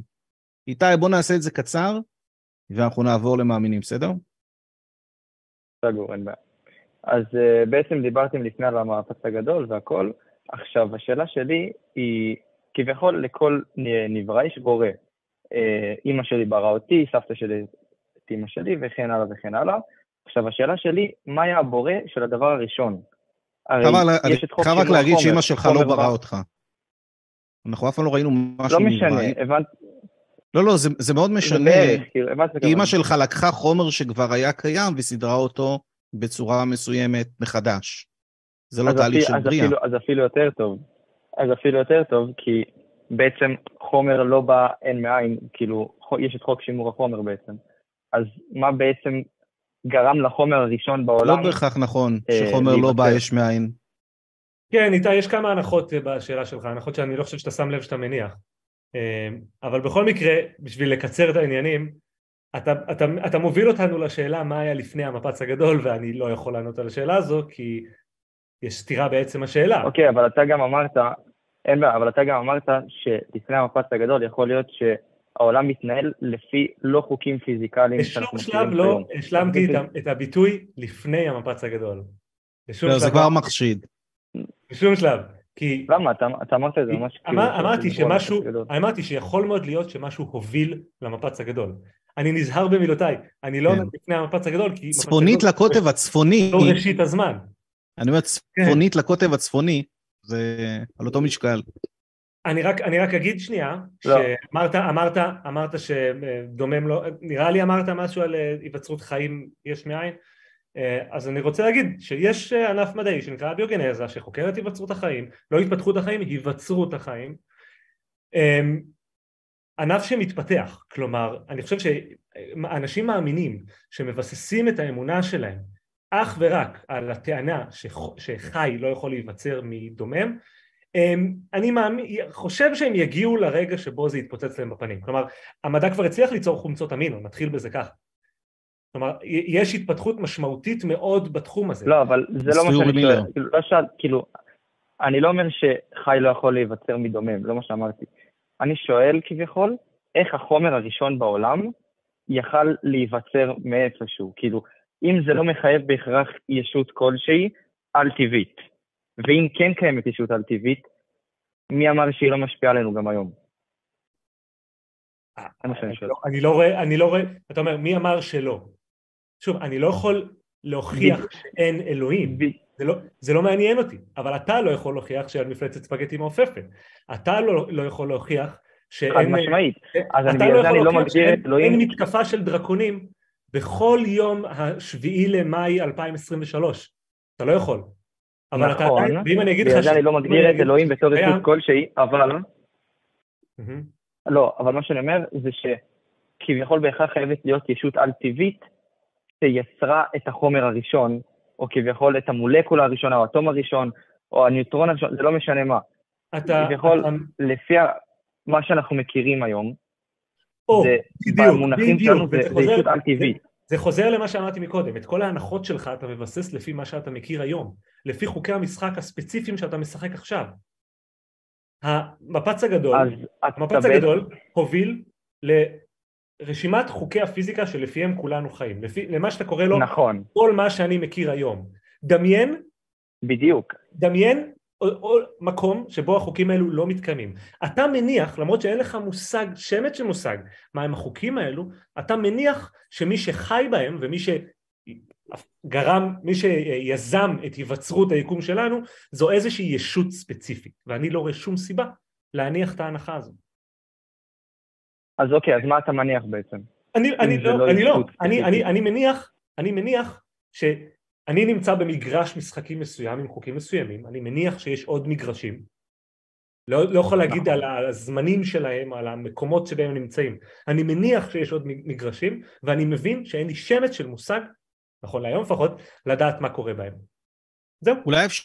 להסכים אוקיי, בינינו, בוא אולי אפשר להסכים, שנייה, שנייה, אני אומר איתי, אולי אפשר להסכים בינינו שחייב להיות גורם הכרחי? לפחות על זה אפשר להסכים.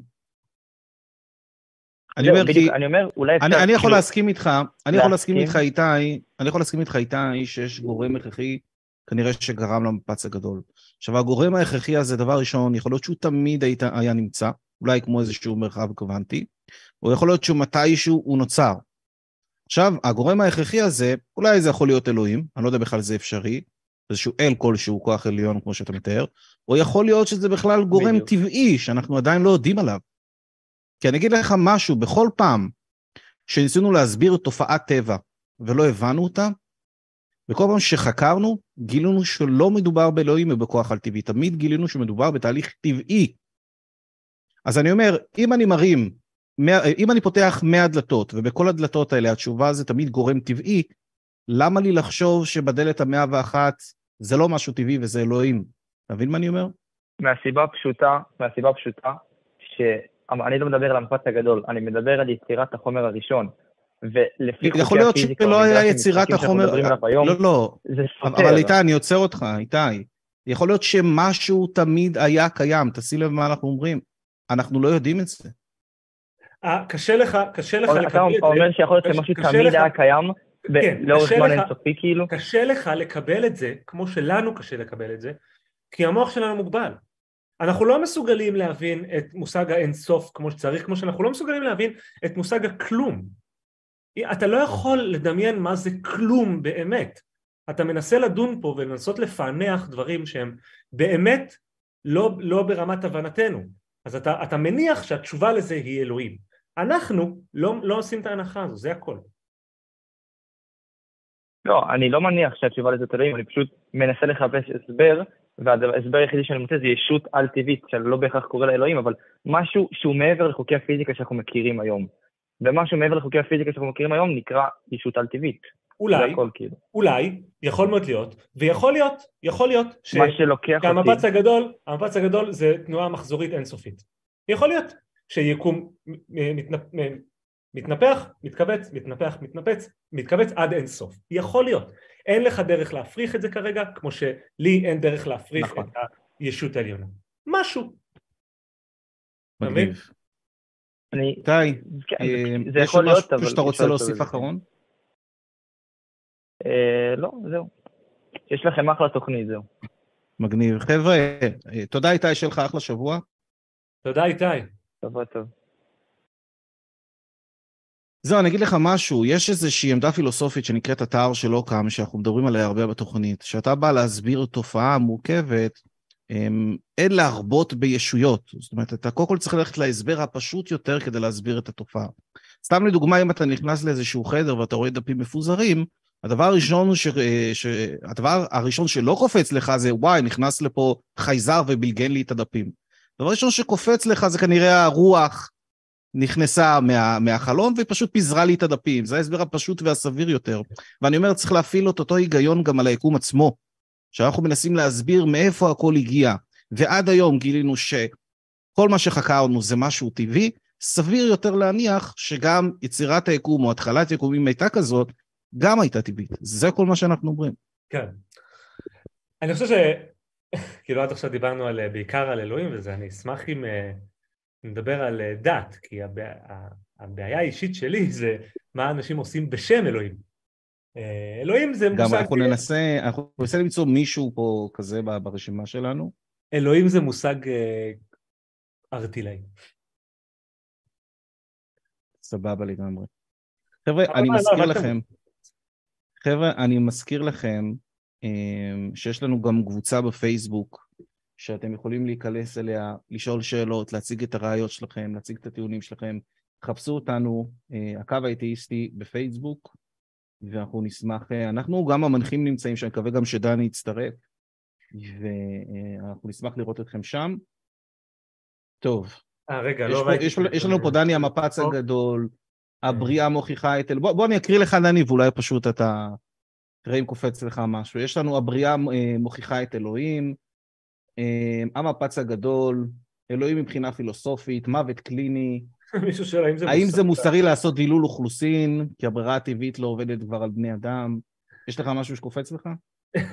אני אה, כאילו, הדילול אוכלוסין, יאללה, צחקת מזה, זה הספיק לי. אנחנו נעלה את נאורי. התשובה שלי הולכת להיות קצרה. היי נאורי, מה קורה? שבוע טוב. שלום, היי נאורי. מה קורה? כן, אין לי יותר מדי מה להוסיף. קודם כל, דני, אני שרוף עליך. תודה. אבל, אה. חוץ מזה, אין לי מה להוסיף יותר ממה שהוא רשם שם בשאלה. כאילו, זאת אה, השאלה שלי. השאלה היא, הברירה הטבעית כבר לא עובדת כבר הרבה זמן. כאילו, בעיניים אתאיסטיות, כן? בוא נגיד שה... שומעים אותי? אה, ששומעים, כן. הברירה הטבעית אה, תמיד עובדת, אמרתי שהרפואה המודרנית אה, מעוותת את התהליך הזה, אבל הברירה הטבעית בהגדרה תמיד עובדת. לשאלה שלך, האם זה מוסרי לעשות דילול אוכלוסין? לא. כלומר, לא. להרחיב על זה. אמ, מה שכן, אני חושב בתור ש... אדם ש... לא, לא בתור חם. אני ואתה, בתור בן אדם ששולט בעולם, לצורך העניין, איזה מפקד, איזה נשיא, אה, או לא יודע. תגיד טאנוס, מה אתה הולך סחור חור? טאנוס? כן, כן, זה אתה. נניח, אה, אה, לא יודע, אז לא, אנשים טאנוס- שיושבים טאנוס אה, כל. פעם בוועדות על האקלים. כן. אני חושב שיש מקרי קצה שלא באמת קורים במציאות, שאפשר להגיד שזה מוסרי לעשות דילול אוכלוסין. אני אומר, סתם לדוגמה, אם יש קבוצה מסוימת שממש רוצה את זה. כן, חשבתי על משהו מאוד קיצוני זה.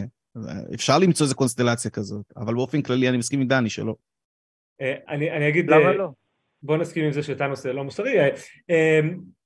אני אגיד שזה כן מוסרי במובן מסוים, כלומר, זה כן מוסרי לנהל מדיניות שתוביל לילודה נמוכה יותר. אני חושב שזה לא רק מוסרי, זה אפילו דבר חכם לעשות מבחינתנו. זה לא מוסרי לקחת חיים. אז אני זה- אשאל את זה אחרת. יכול לשאול שנייה? כן, כן, אם כן, אני יודע על מישהו שיש לו איזה... אם אני יודע על מישהו שיש לו איזשהו פגם גנטי, שהוא הולך בוודאות להעביר אותו לילדים שלו, אני יכול לאסור עליו ללדת? לא. דני, אני חושב שיש פה הקשר של המצוי והראוי. כי כאילו, אני כאילו חושב להרוג שמה אני שהוא יכול אומר, להבין שזה קצת מוגזם. מה שאתה אומר אה, ש, שאם משהו מסוים קורה בעולם הטבע, זה בסדר שנעשה אותו גם בחברה שלנו? זה מה שאתה אומר בעצם? כן, אבל להרוג מישהו אני מבין שזה קצת אה, קיצוני, אבל לאסור ילודה לאנשים מסוימים, כי אני יודע שבעתיד זה יזיק ל...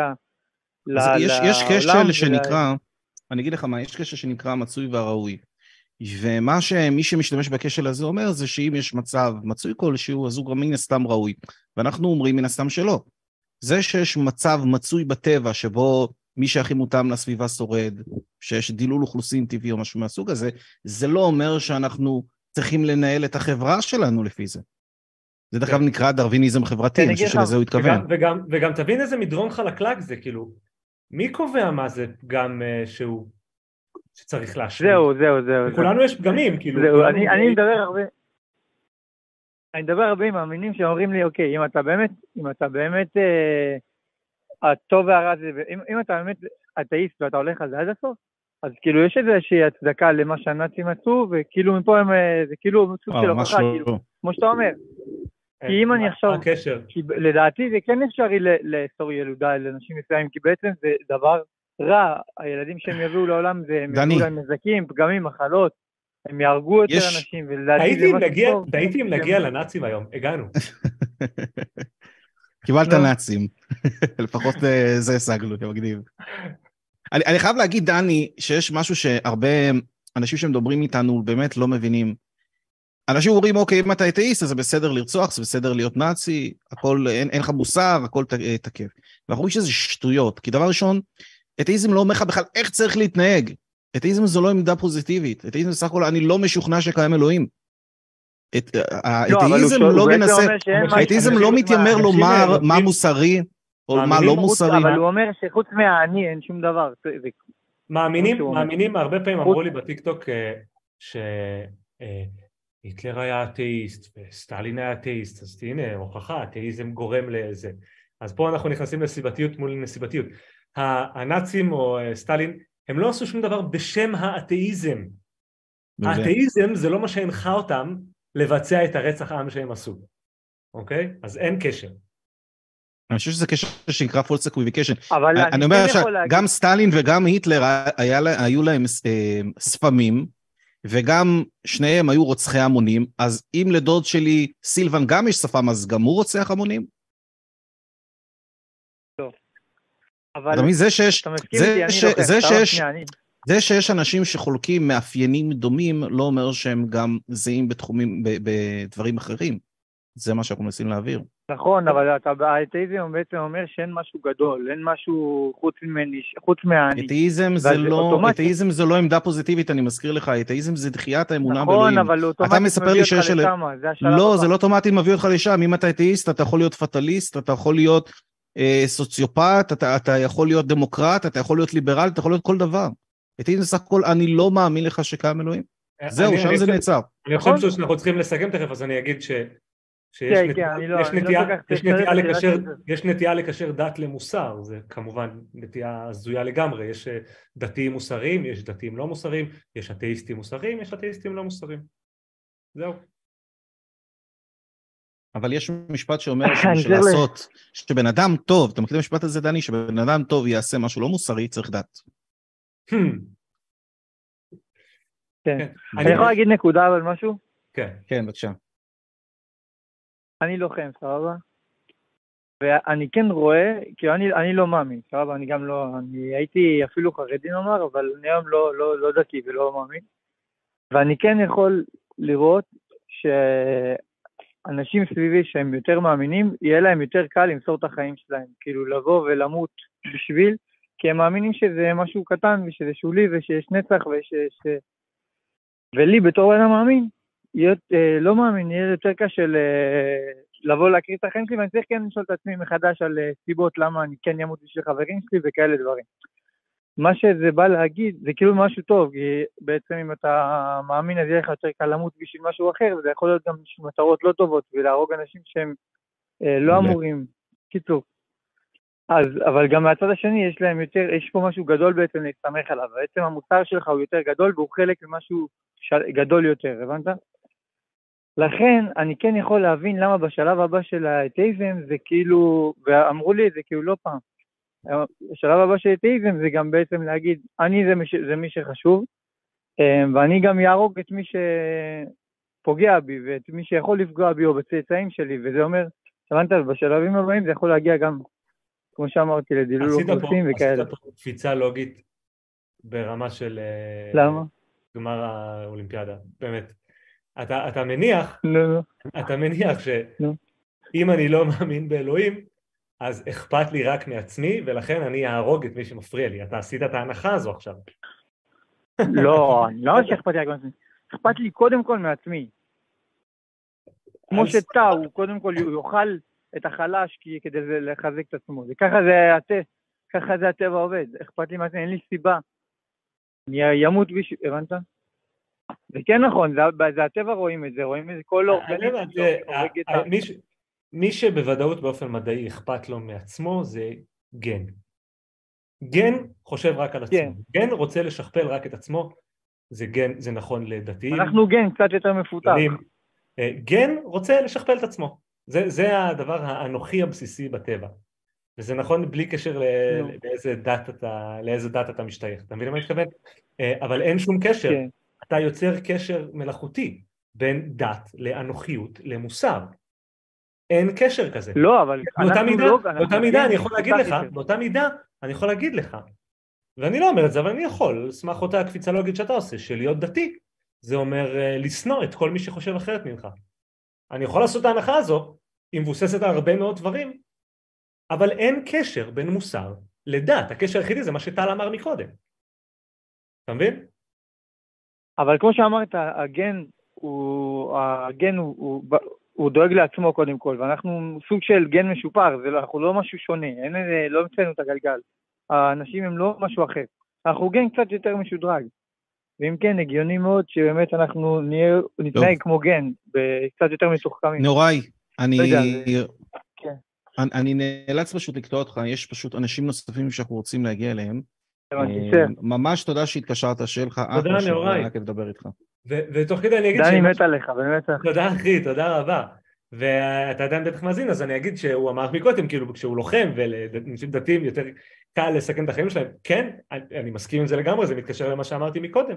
כשאתה מאמין בעולם נוסף, כשאתה מאמין בחיים נוספים, הרבה יותר קל לך להקריב במירכאות את החיים. ברור, כי. זה לא כל כך משנה מה קורה עכשיו. כן.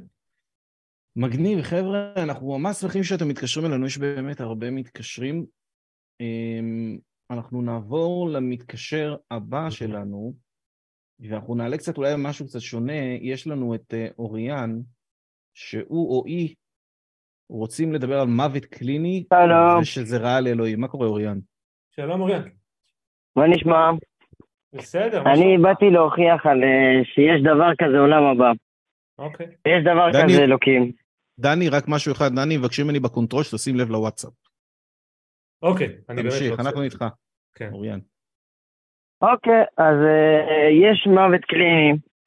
האנשים, האנשים חילונים, דתיים, עברו, היו בבית חולים, מתו, בוודאות, מתו, אחרי זה חזרו, אמרו יש, יש, אמרו, וכולם עברו את אותו אופציה. איך תסביר לזה? בוא נתחיל מזה שהם... אמרו, כל אחד אמר, עליתי, כל אחד הוכיח, אמר לו, הרופא היה ואתה היית פה, הוא היה פה, הוכיח לו במדויק כל אחד איפה היה, ראה את, את הגוף שלו מלמעלה, אמר, ראיתי גן עדן, ראיתי זה, היה מלאכים, שפטו אותי, חזרתי. וכולם אמרו את אותו דבר. איך תסביר לי זה, ואף אחד לא מכיר אחד את השני. אה, ומה עם אלו שאמרו דברים אחרים? או אלו שחרטטו אה, חרטוטים? מי אמר? הם נכנסו למאגר המידע שאתה מכניס עכשיו? או שהכנסת רק את? אלה שאמרו את אותו דבר? אתה יודע כאילו, כמה עלו? אתה יודע. כמה עלו, ירדו, אמרו? אתה יודע כמה אנשים היו במוות קליני בהיסטוריה? אני שואל אם יש לך... אני לא, לא. ספרתי כי יש, כי יש כמויות שאפילו לא מספרים עליהם, אבל הרוב, הרוב- הרוב האנשים-? אני לא יכול לספור לך, מאיפה לי לספור לך? אוקיי, אז אין לך את מאגר המידע אני. לא יכול לספור, זה כמו שתגיד לי כמה- אנשים יש בכל העולם, אני לא יכול להגיד, אני יכול להגיד, לשער אוקיי, לך. אוקיי, בדיוק, בדיוק. ואם אני חי במערה שבה כולם ג'ינג'ים, אני לא יכול לקפוץ להנחה שכל העולם ג'ינג'ים, כי אין לי מידע על כל העולם. אתה לוקח פה מאגר מידע מאוד חלקי על אנשים שספציפית... תגיד לי, הבנתי. שנייה, שנייה, אוקיי. שנייה, שנייה, שנייה. אני מדבר על בעיית האינדוקציה. מקשיב, מקשיב, מקשיב, אתה, אתה, אוקיי. אתה, לוקח פה, קבוצה מאוד מסוימת שמשרתת את הנרטיב שאתה רוצה לתאר ואתה מתייחס אליהם ככל אוקיי. אנשים וגם אליהם אני אגיד לך שהסיבה שהם ראו אה, מלאכים אור בקצה המנהרה מה שכולם רואים זה כי כשאתה במוות קליני אתה במה שנקרא הזיות אתה סוג של חולם וכשאתה חולם אתה מושפע מדברים שחווית לאורך החיים בסדר? כמו שאנחנו חולמים כל הזמן, כמו שאנחנו אוקיי, רוזים כל הזמן. אה, הגיוני מאוד, אפשר- יש אפשר- הזיות משותפות מבחינה תרבותית, זה מאוד הגיוני. אבל וגם בגלל שאנחנו דומים פיזיקלית, כן, פיזית. כן, המוח שלנו גם עובד אותו דבר. אתה את- גם, תזכור אוקיי, שכאילו... אה, אפשר- לשאול משהו? אני אגיד לך רגע, משהו, בעיקרון מוות קליני, כאילו, זה מה שאתה עושה פה. רגע, רגע, שנייה, לפני שאתה מוות קליני קופץ, לפני שאתה קופץ רק לנושא הבא, אני חייב להגיד רק דבר פשוט. מוות קליני, אלוהים לא בהכרח נובע מזה שחוויית המוות קליני, לדוגמה, תאומת. כי יכול להיות, לדוגמה, שיש עולם הבא או חיים אחרים, אבל אין אלוהים. יכול להיות שהעולם הזה נוצר בתהליכים טבעיים. אז זה לא נובע בהכרח שאם חוויית המוות לי, הקליני נכונה, אז אלוהים לך- קיים. זה כל מה שאנחנו אומרים. סבבה? אתה, אתה מאיפה נבראת? הבנת מה אני אומר אבל? אבל אוריאן, הבנת מה אני אומר? כן, הבנתי. הבנתי עכשיו- אותך, אבל תגיד עכשיו יש לי אומר, אני שאלה. אומר, אני, אני לא אבל- רק סיימ, אני לא סיימתי, שנייה אוריאן, אני מצטער שאני עוצר אותך, מה שגם באתי אוקיי, להגיד. שאנשים שעוברים חוויית מוות קליני, הרבה מאוד פעמים מתארים דברים, נכון, דומים, אבל גם הרבה מאוד פעמים מתארים דברים לא דומים, זאת אומרת, נוצרים הרבה מאוד פעמים יראו את ישו, אה, יהודים יראו דברים שקשורים ליהדות, אולי את משה, מוסלמים יראו את מוחמד, זאת אומרת, אנחנו בדרך כלל, שלא מגיע מספיק חמצן למוח, ואנחנו הוזים דברים, וזה מה שקורה בחוויית מוות קליני, אנחנו הוזים את הדברים שכבר נמצאים לנו במוח. אוקיי, סבבה? תקשיב, אני בעיקרון, בעיקרון, רוב, הפ- רוב האנשים אמרו את אותו דבר מבחינת היהדות ולא אמרו משה, וזה יכול להיות שקרה משהו אחר. אבל איזה עכשיו יש לי רוב שאלה האנשים? בשבילך. אוריאן, אוריאן. רוב האנשים זה אומר- שהם מפרסמים ביוטיוב, מעלים אנשים שאומרים שהם היו במוות קליני, והם אמרו כולם ש... רוב האנשים, שאנשים מאוד ספציפיים, עם אג'נדה מאוד ספציפית, מפרסמים ביוטיוב. אוקיי, אתה מבין את זה, נכון? עכשיו יש לי מבין שאלה שאותם אנשים. שמפרסמים ביוטיוב, הב- הבנתי. בערוץ, יהודי כזה או אחר, לא מפרסמים את מה שלא נראה להם לפרסם, כן? אוקיי. עכשיו אפשר לשאול שאלה כזאת, לא, לא, אתה אני, מאמין בשכר ועונש? אוריאן, אני מצטער, אנחנו רוצים לעבור הלאה לאנשים נוספים, הזמן שלו פשוט אבל, מתקצר. אה, אבל מה, רק, ש, רק את זה וזהו. אוריאן, לא שמעתי את השאלה. אוריאן, בוא, אוריאן, רגע, סליחה שאני... אוריאן, אוריאן, אוריאן, אוריאן, סליחה. נו, שומע. אנחנו מגיע, מגיעים לקראת סיום התוכנית. בדרך כלל התוכנית שלנו היא עד עשר וחצי, אנחנו נותנים זמן אקסטרה, כי דני פה ולכולנו כיף. יש עוד הרבה אנשים שרוצים לעלות לדבר עם דני, בוא תהיה חבר טוב, תן להם את ההזדמנות, סבבה? אין בעיה, אפשר להגיד משהו קטן לדני? כן, בכיף. אה, בעזרת השם, מחר אתה אמור לקבל את האימייל, כי הזמנתי אותך אה, לאתגר של זה אתה. 1500. זה אתה! או, במיוחד. מעולה. אוריאן, למי שלא יודע, אה, הולך לשלוח לי חוזה, שהוא מנסה להוכיח לי את אלוהים, ואם הוא לא יצליח, הוא משלח לי 1,500, כן, זה מה שסיכמנו, אני לא זוכר כבר. רגע, רגע, ואם אני מנצח. אתה מעלה סרטון שהכל מה שאמרת שקר. אה, בסדר כן, גמור, ולא בסדר גמור. בדקת בסדר גמור. בוודאות. אם אתה מנצח, אני, אני בטוח שנשמע לך בחדשות. כן, כן. אם אתה אני- אתה מנצח, מנ- נשמע לך. בחדשות. כן, כן, כן, כן. רק שבחוזה יפורטו התנאים לניצחון, בסדר? מגניב אוריאן, תודה. אין בעיה, אבל. תזכור שמי ש... תזכור שגם את ההפסד שלך אתה צריך לקיים, אם אתה הפסדת. ברור, ברור, זוכר, לא אשכח. סמוך עליי, לא אשכח. ביי אוריאן, ביי. יאללה. ביי, ביי גבר. אבל דבר פשוט, אם הוא מנצח, הוא כנראה יופיע בחדשות והוא יהפוך לבן אדם הכי מפורסם בעולם. כן. אני לא חושב שמה שמעניין זה כאילו כן, לבוא כן. ולדבר קורה לי לפעמים. שכותבים לי אה, בטיקטוק, באמת, איזה ילד בן 14 כותב לי שהוא הפריך את האבולוציה. הפריך את האבולוציה. אוקיי, כן. מגניב. זה סוג של דנינג אה, דנינג קרוגר, כאילו. כן, כן. ההטייה. הקוגניטיבית שנקראת כן. דנינג קרוגר. כן, לגמרי. טוב, יש פה איזו בקשה מהצ'אט של בחור בשם ישראל חייט, שרצה להגיד לך שאתה אלוף, אני הבטחתי לו שאני אגיד לך, שהוא ישראל. ממש אוהב אותך אבל שאתה ישראל, אלוף. ישראל שנייה. שכן, דיברתי איתו, אה, כן, כן.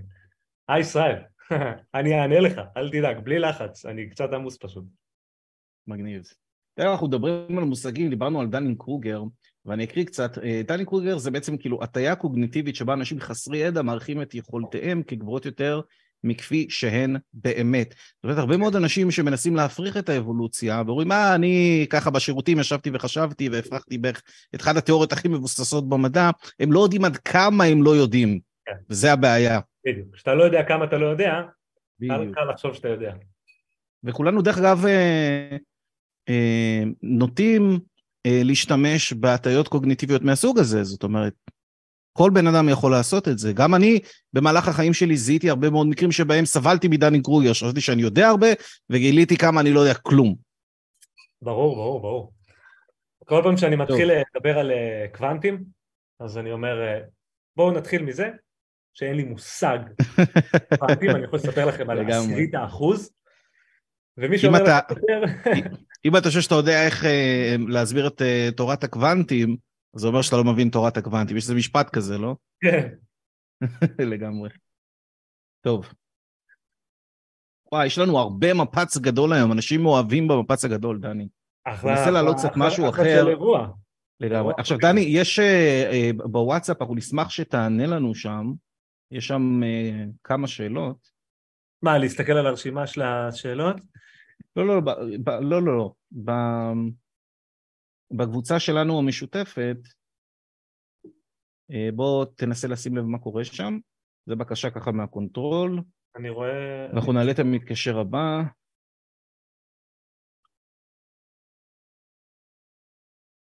אה, אבל בינתיים אה, אמרתי, בינתיים אני נשאר, אמרתי ניבה, אני סבבה. מעולה, אני מגניב. כל עוד לא עושים לי פה מבטים, אז אני סבבה. טוב, וואי, המפץ הגדול, המפץ הגדול. אה, מנסים לחפש קצת... אה, אני קורטוב, אני אוהב אותך. אה, אני לא... לא מחלק את המספר, אבל... באיזה פודקאסטים, בזמן שאתה חושב אני עונה על מה שאני רואה בצ'אט, התארחתי לאחרונה בחיות כיס, בפודקאסט של ישראל בידור, כן כן, היה, היו עוד כמה של חשיבה ביקורתית, דברים כאלו, ואני מקווה בקיץ הקרוב להרים פודקאסט, אני מקווה, אם יהיה זמן. מגניב, מעולה. טוב, אנחנו נעלה את בר. אה, הוא מאמין והוא רוצה לשאול מה מפריע לנו כאתאיסטים שאנשים מאמינים. בר, מה קורה שבוע טוב? יש איזשהו רעש רקע. בר, יש איזשהו רעש רקע של טקטוקים כאלה, אתה יכול לראות אם אתה יכול לסדר את זה? אה, עכשיו שומעים? כן, נראה לי זה יסתדר. אנחנו איתך ברדבר. עוד פעם זה חזר. אתה דרך אה, אוזנייה או משהו כזה? אה, לא, אין לי אוזניה. יש רעש מוזר, אם לא, אם לא תצליח לסדר את זה, לא נוכל להמשיך בר. אז אני אומר, כן בוא, בוא, שנמשיך. ניתן לו, בוא ניתן לו לשאול ואז לשים את עצמו על מיוט. כאילו, תשאל, שים מיוט. יאללה, בוא נעשה את זה בר. אוקיי. אה, יותר מוקדם בשיחה דני אמר שכאילו עשה הבדלה בין אמונה פרטית, הוא אמר, לבין מה שהוא קורא כפייה. רציתי לשאול כאילו, מה הבעיה עם אמונה פרטית כזו? וגם, יכול להיות שהאינטואיציה שלי שיש בורא לעולם, כמו שנגיד לרהיט יש מי שיצר אותו, והאינטואיציה שלך לא תהיה ככה. אבל כאילו אין לנו שום דרך להגיע למסקנה מסוימת. אז למה שני העמדות האלה לא שוות ערך? אה, אוקיי, אז אני אתחיל ואגיד שאמרתי מקודם שאין לי בעיה עם אמונה פרטית. אני עושה לך רק מיוט, סליחה, אני, בר, אני עושה לך מיוט, ואתה תזין בינתיים. אין, לי בעיה עם אמונה פרטית, דיברנו על זה, כלומר שוב די עם כוכבית שהאמונה הזו לא אה, פוגעת באופן יותר מדי בעצמך, אבל אין לי בעיה, אמרתי, נתתי את הדוגמה של הגלידתות, תאכל איזו גלידה שאתה רוצה, תשחק עם איזה צעצוע שבא לך, לא מזיז לי, באמת, אה, איך קוראים לו, אה, כריסטופר, הוקינס, אה, לא, איך קוראים לו? כריסטופר איצ'נס? איצ'נס, איצ'נס, הוא נתן את הדוגמה הזאת של הצעצועים, תשחק עם מה שאתה רוצה, אבל אל תביא את הילדים, אל תביא את הצעצועים שלך אליי הביתה, אל תכריח את הילדים שלי לשחק בצעצועים שלך ואנחנו נהיה בסדר, זה הכל. אין לי שום בעיה עם אמונה פרטית, יש לי בעיה כשהאמונה הזו כבר לא פרטית, זה הכל. ובמדינת ישראל זו בעיה שמשפיעה עליי באופן יומיומי. אז כן, יש לי משקעים כלפי הדת, במיוחד במדינת ישראל. אמ, ולגבי השאלה השנייה, תזכיר לי, תזכיר לי, תזכיר לי, סליחה. אני אוריד אותו ממיוט. האם היית. אומר ששני העמדות האלה כאילו שוות ערך? כאילו עמדה שיש בורא לעולם ועמדה שאין. אה, מבחינת ה... כאילו כן, מבחינת ה... שתיהן עמדות, שאין לנו שום דרך להוכיח או להפריך. רגע, וזהו, ובזה זה מסתיים. אני פשוט... אתה אומר שהאינטואיציה שלך מובילה אותך לזה שיש אלוהים. האינטואיציה שלי מובילה אותי להטיל ספק, זה הכל. זה הכל. כאילו... אה, אם אתה שואל אותי מה יותר סביר מבחינתי, מבחינתי ברור שיותר סביר שאין. אה, חשוב, אני, אני חושב שחשוב לומר שזה בעייתי מאוד ללכת על פי אינטואיציה, כי הרבה מאוד פעמים אינטואיציה יכולה להתל בנו. אינטואיציה זה התחלה טובה להתחיל משהו שנקרא בתהליך המדעי היפותזה. זאת אומרת, יש לך איזשהו רעיון כלשהו, וזה בסדר. עכשיו, ברגע שיש לך אינטואיציה, הצ- הצעד השני שאתה צריך לעשות זה לנסות לאמת את האינטואיציה הזאת. זאת אומרת, איזה ניסוי או בדיקה אתה יכול לבצע בשביל לראות אם האינטואיציה שלך באמת עובדת במבחן המציאות. כי אחרת זה עדיין נשאר בתור אינטואיציה. סבבה? טוב, אפילו מדע? מבוסס על... כן. המדע לא מבוסס על אינטואיציות, ממש לא. לא, הוא חייב במדע- להתבסס על היפותזה. במד- בדיוק, אבל, אבל, אבל אם ההיפותזה, אבל אז אתה בודק את ההיפותזה הזו, ואז אחרי שאתה בודק, בדיוק. זה לא משנה מה האינטואיציה שלך הייתה. זה לא משנה. האינטואיציה יכולה להוביל אותך להחליט לבדוק משהו, ובזה היא סיימה את תפקידה. לא, בדרך הבדיקה עצמה, אתה מתבסס על אקסיומות מסוימות. נגיד שהמציאות קיימת ושאתה יכול לדעת ידע אובייקטיבי עליה בצורה מדעית. בסדר, כן, כן, יש משהו בפילוסופיה שנקרא ברוט פקט. אני לא ממש מכניס את זה לתוך הגדרה של אינטואיציה. אני אעשה לך מיוט בר, אני מצטער, פשוט הרעש נורא. יש משהו שנקרא בפילוסופיה ברוט פקט. יש דברים שפשוט, למה הם ככה? הם פשוט ככה. זו עובדה, ואני לא מכניס אותם לתוך קטגוריה של אינטואיציה. עכשיו, התהליך המדעי, בדרך כלל מה שקורה זה שיש לנו אינטואיציה, ואז אנחנו מפתחים היפותזה, ואז אנחנו מפתחים חיזוי. זאת אומרת, אם אנחנו צודקים ואנחנו נעשה משהו, מה אנחנו צפויים לראות? ואחרי שאנחנו עושים, אה, אה, זאת אומרת, מבצעים איזשהו חיזוי, אנחנו עושים ניסוי שמנסה לאמת את החיזוי. ואז יש כמובן את כל הקטע של ביקורת עמיתים, זאת אומרת, אנחנו מפרסמים את התוצאות שלנו, מדענים נוספים משחזרים את הניסוי, בודקים את הניסוי, מנסים לבדוק אם יש בו בעיות, ורק אולי אז בסוף, אחרי כל התהליך הארוך והמורכב הזה, רעיון יכול לעבור לרמה של תיאוריה. המדע ממש לא מסתמך על אינטואיציה, הוא מסתמך על אקסיומות מסוימות, נכון? שאנחנו יודעים שאנחנו קיימים, שכנראה ולא נוצרנו לפני שתי דקות, שכל הדברים האלה שדיברת עליהם, אבל זה ממש לא אינטואיציה. אנחנו איתך, בר, דבר, אותך. אוקיי.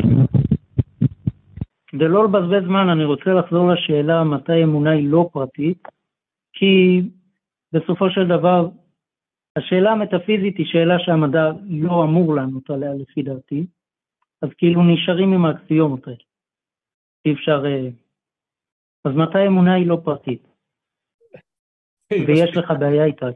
היא משפיעה על אנשים אחרים, בוודאי שיש לי בעיה איתה, אבל אני, העולם הוא לא שחור לבן, אז אני אתאר לך מקרה אמיתי שקורה אצלנו. אה, אדם דתי מאמין שאסור לנסוע בשבת. האמונה הפרטית אומרת שהוא לא ייסע בשבת. זהו, מאוד פשוט.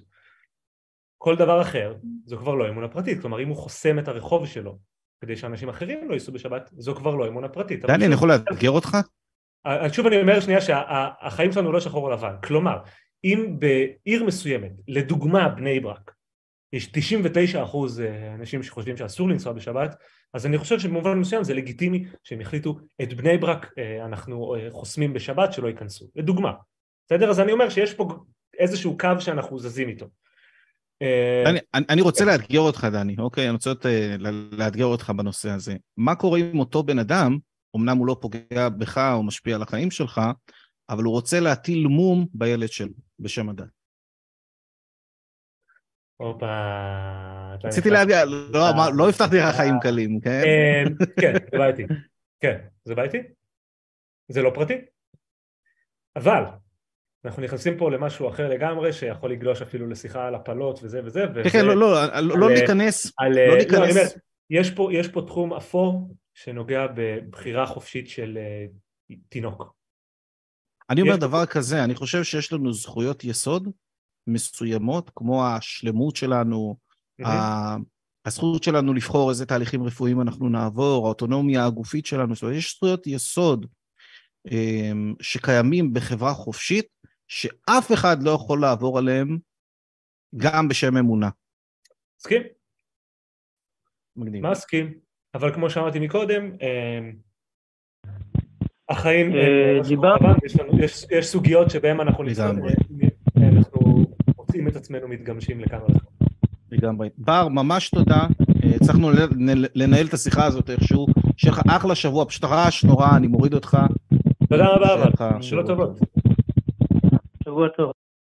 אה, אני יכול להגיד בזמן שהוא הולך עד שבא שהסוגיה האחרונה שהעלית, סוגיה שמכבידה עליי ויושבת עליי לא פעם ולא פעמיים ולהגיד לך שיש לי תשובה בשלוף אה, לתת עליה, אין לי, אין לי, זו סוגיה מאוד מורכבת מבחינתי.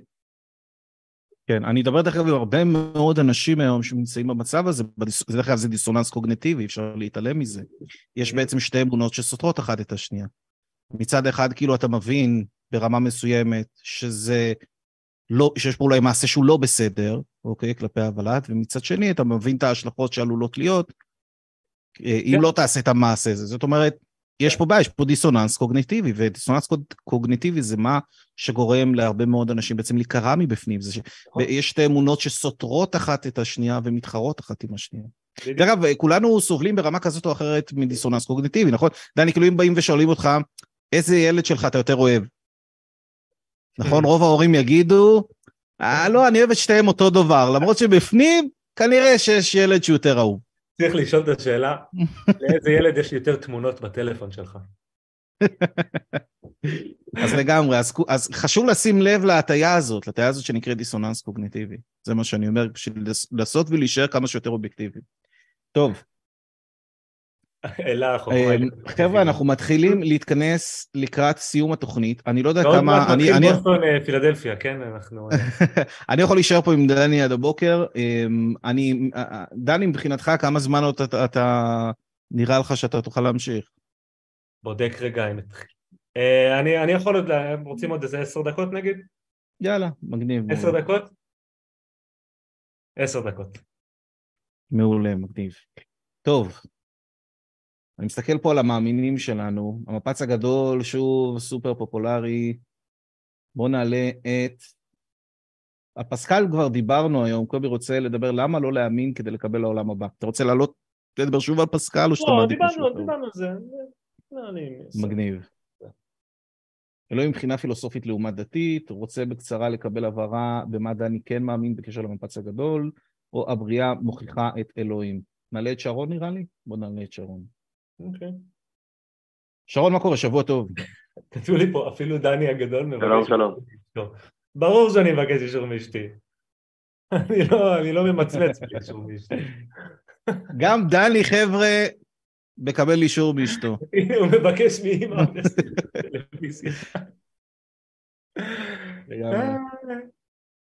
בסופו- בסופו של דבר כולנו אותו דבר, אה? אנחנו איתך, שרון, מה קורה? שלום, שלום. שלום שרון. אה, אנחנו מקשיבים. קודם כל, אה, אני מתרגש מלדבר איתך, דני, אז אה, אה, גם אם היית עולה לקו התותים, לא קו האתאיסטי, אז כנראה שגם הייתי עולה. איזה כיף, תודה רבה שרון, אה, תודה, מעריך מאוד. אני מרגיש כזה אה, נגלקטד. טוב שבעצם נפגשים פה, כי זה בעצם הדבר היחיד שאני לא מסכים איתך ב- באלוהים וזה. אה, רציתי להגיד שתי נקודות, אני אנסה להיות בקצרה. דבר ראשון, אה, אה, האם אה, טל אה, מסכים עם דני, אה, האם- האם אתה טל מסכים עם דני, מה שהוא אמר בהתחלה, שאני כמעט אף פעם לא שומע את זה הוא אמר בהתחלת השידור, אה, שסביר להניח שכן יש משהו אה, שגרם למפץ הגדול. אני מוכן לקבל את הרעיון שיש גורם הכרחי, כן. אני רק אני רק רוצה להזכיר שרון, אנחנו יכולים לקרוא לזה איך שאנחנו רוצים, אבל קודם כל שאני אני כמעט לא שומע את זה מאתאיסטים, שיש משהו שגרם, זאת אומרת, לא לא משנה איך אנחנו נקרא לזה, שזה לא יכול לקרות לבד. אני, אני, לא, לא אמרנו, לא אמרנו, אה, אתה כאילו אומר, אה, אולי הייתי צריך לנסח את עצמי, אתה, אתה לוקח את המשפט שלי, משהו גרם לזה, למשהו דחף את זה. אני לא- זה, זה, זה אני לא אומר, זה אני לאו דווקא אומר, אני אמרתי, זה גם יכול להיות עניין של מחזור, מחזוריות קבועה, בסדר? אין לי שמץ, אין לי. הבנתי. אוקיי, אני אלך שנייה לעיקר שלי שרציתי לשאול, ואני צריך שתזרמו איתי שנייה. נניח, אני, אני נותן שתי הנחות, ואז אני, כאילו, האם אפשר להפריך את זה? אני בתור בן אדם מאמין. אה, נניח ויש, אה, אנחנו חושבים ש... אה, ככה אני נולדתי, ככה אני חשבתי זה תמיד בראש. נגיד שהעולם הוא ריאליטי. לא של ריאליטי. אלוהים ש- החליט ש... ש... פרק של ריק ומורטי בקיצור, כן, סבבה. מי, ש, מי שעושה את התורה ואת המצוות ואת החוקים שהוא חושב יקבל גן עדן, מי שעושה אחרת יקבל גיהנום. עכשיו, אל תשאלו אותי למה, אני עושה הנחה שהוא החליט שהדבר היחיד, בוא נגיד הריאליטי הזה יהיה, שכאילו לא ידעו, אנחנו לא נדע אף פעם האם יש באמת, אה, אה, לא יהיה לנו שום הוכחה לה, אה, האם יש או אין. עכשיו, מי שיצליח בסוף, בסופו של דבר אה, אה, אה, אה, יאמין כל החיים, ואז בסוף באמת יקיים את התורה ומצוות, הוא יקבל את הפרס, או איך שנקרא לזה, ומי שלא, אה, אה, יקבל גיהנום.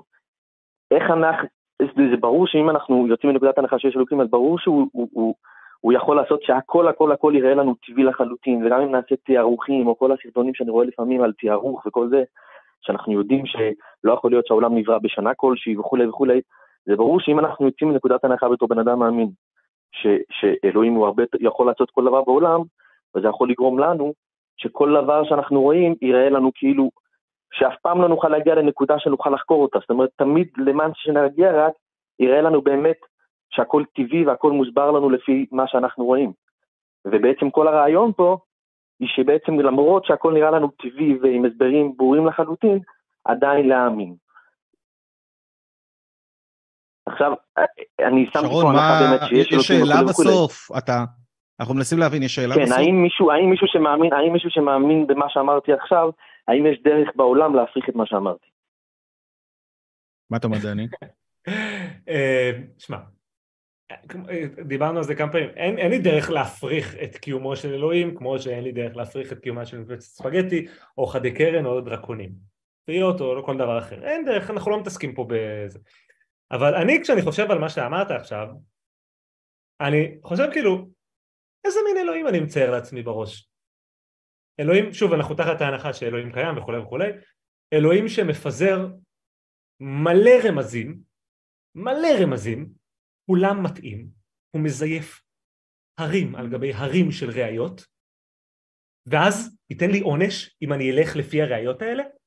זה, זה, תנסה לחשוב איזה מין אלוהים אתה מצייר לעצמך בראש. איזה, זה אלוהים שעל הפרינציפ, אני לא רוצה ללכת אחריו, כאילו מה זה, מה זה, מה זה ההתנהגות הזו ב, ב, בשפה פשוטה?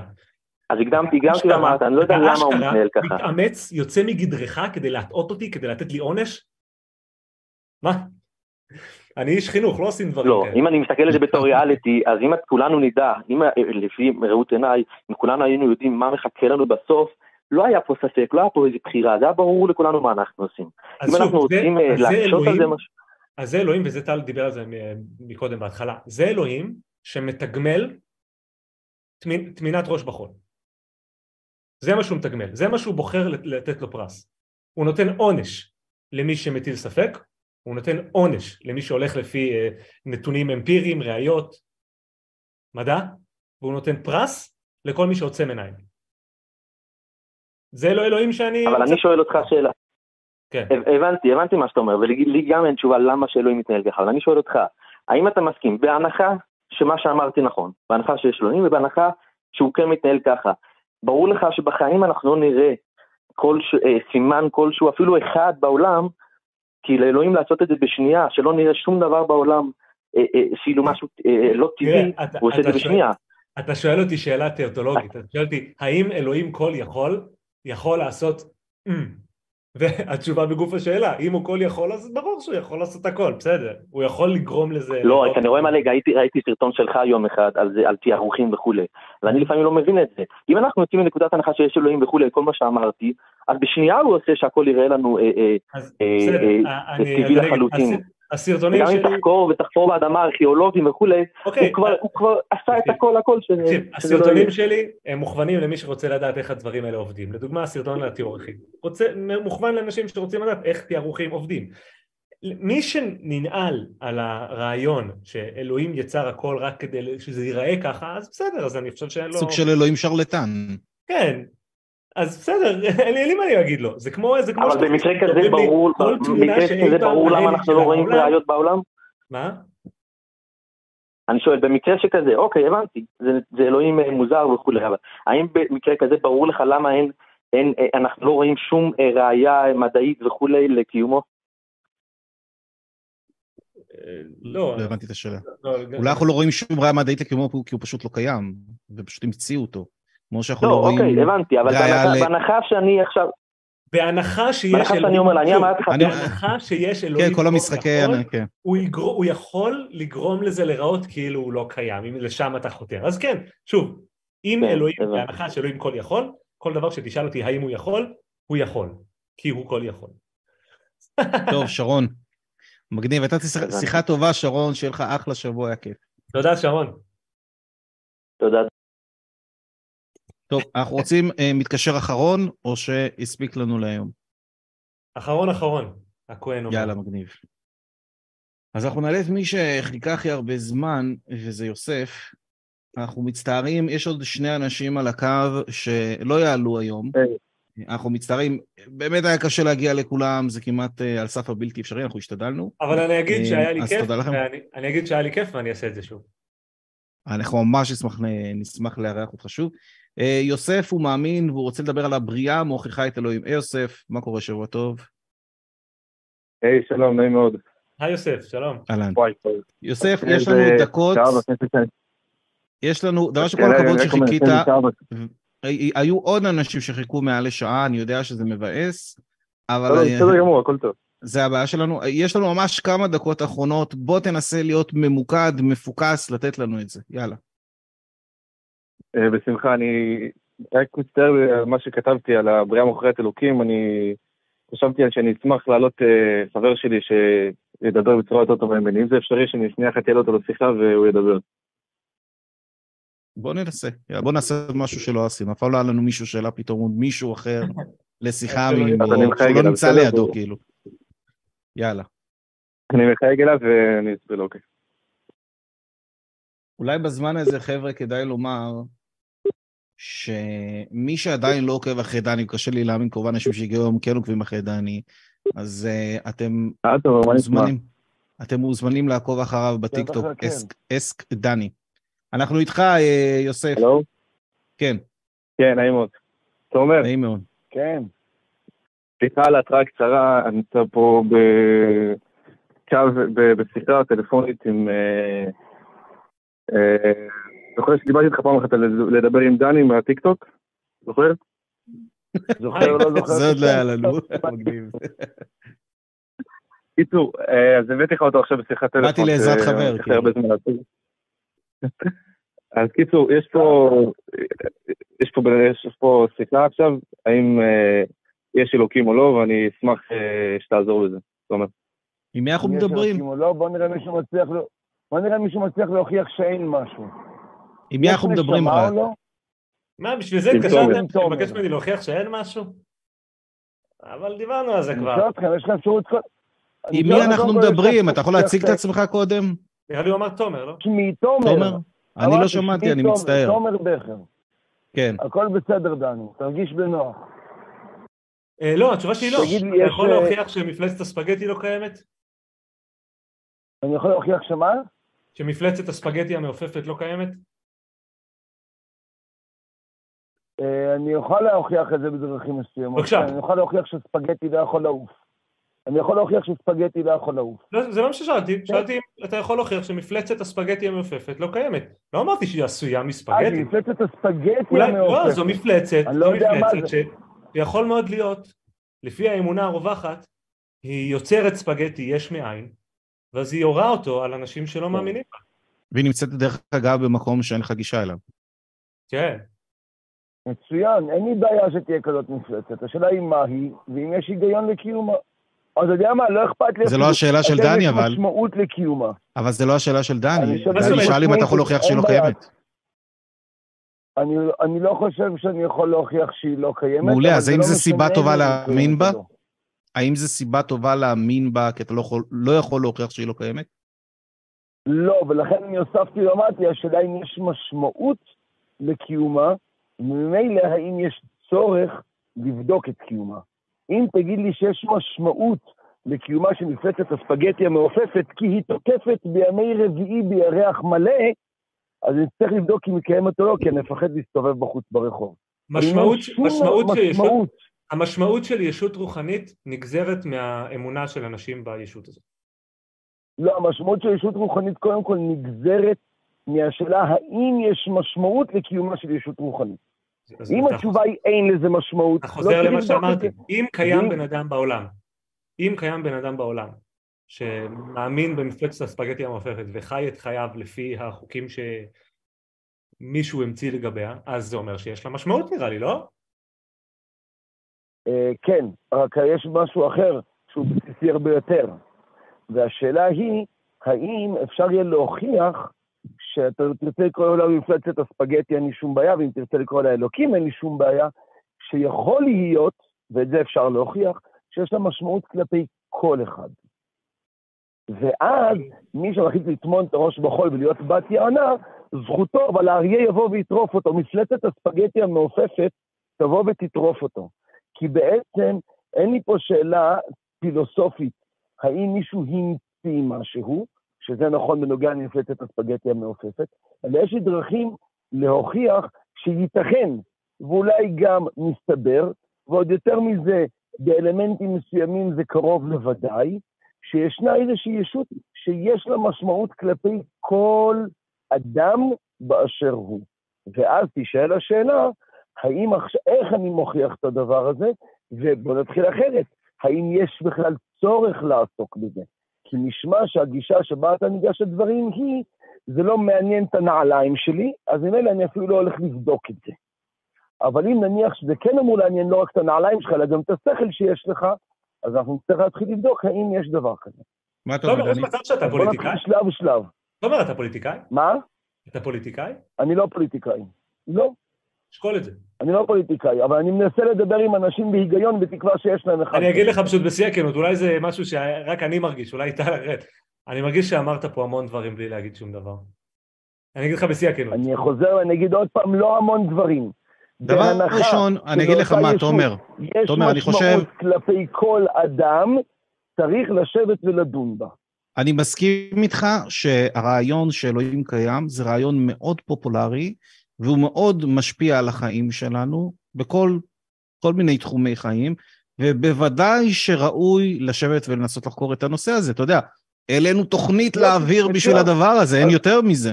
אז בוא נתחיל לחקור את הדבר. בוא נתחיל, אנחנו עושים את זה כבר שלוש שנים, על מה אתה מדבר? אתה בדיליי, אחי.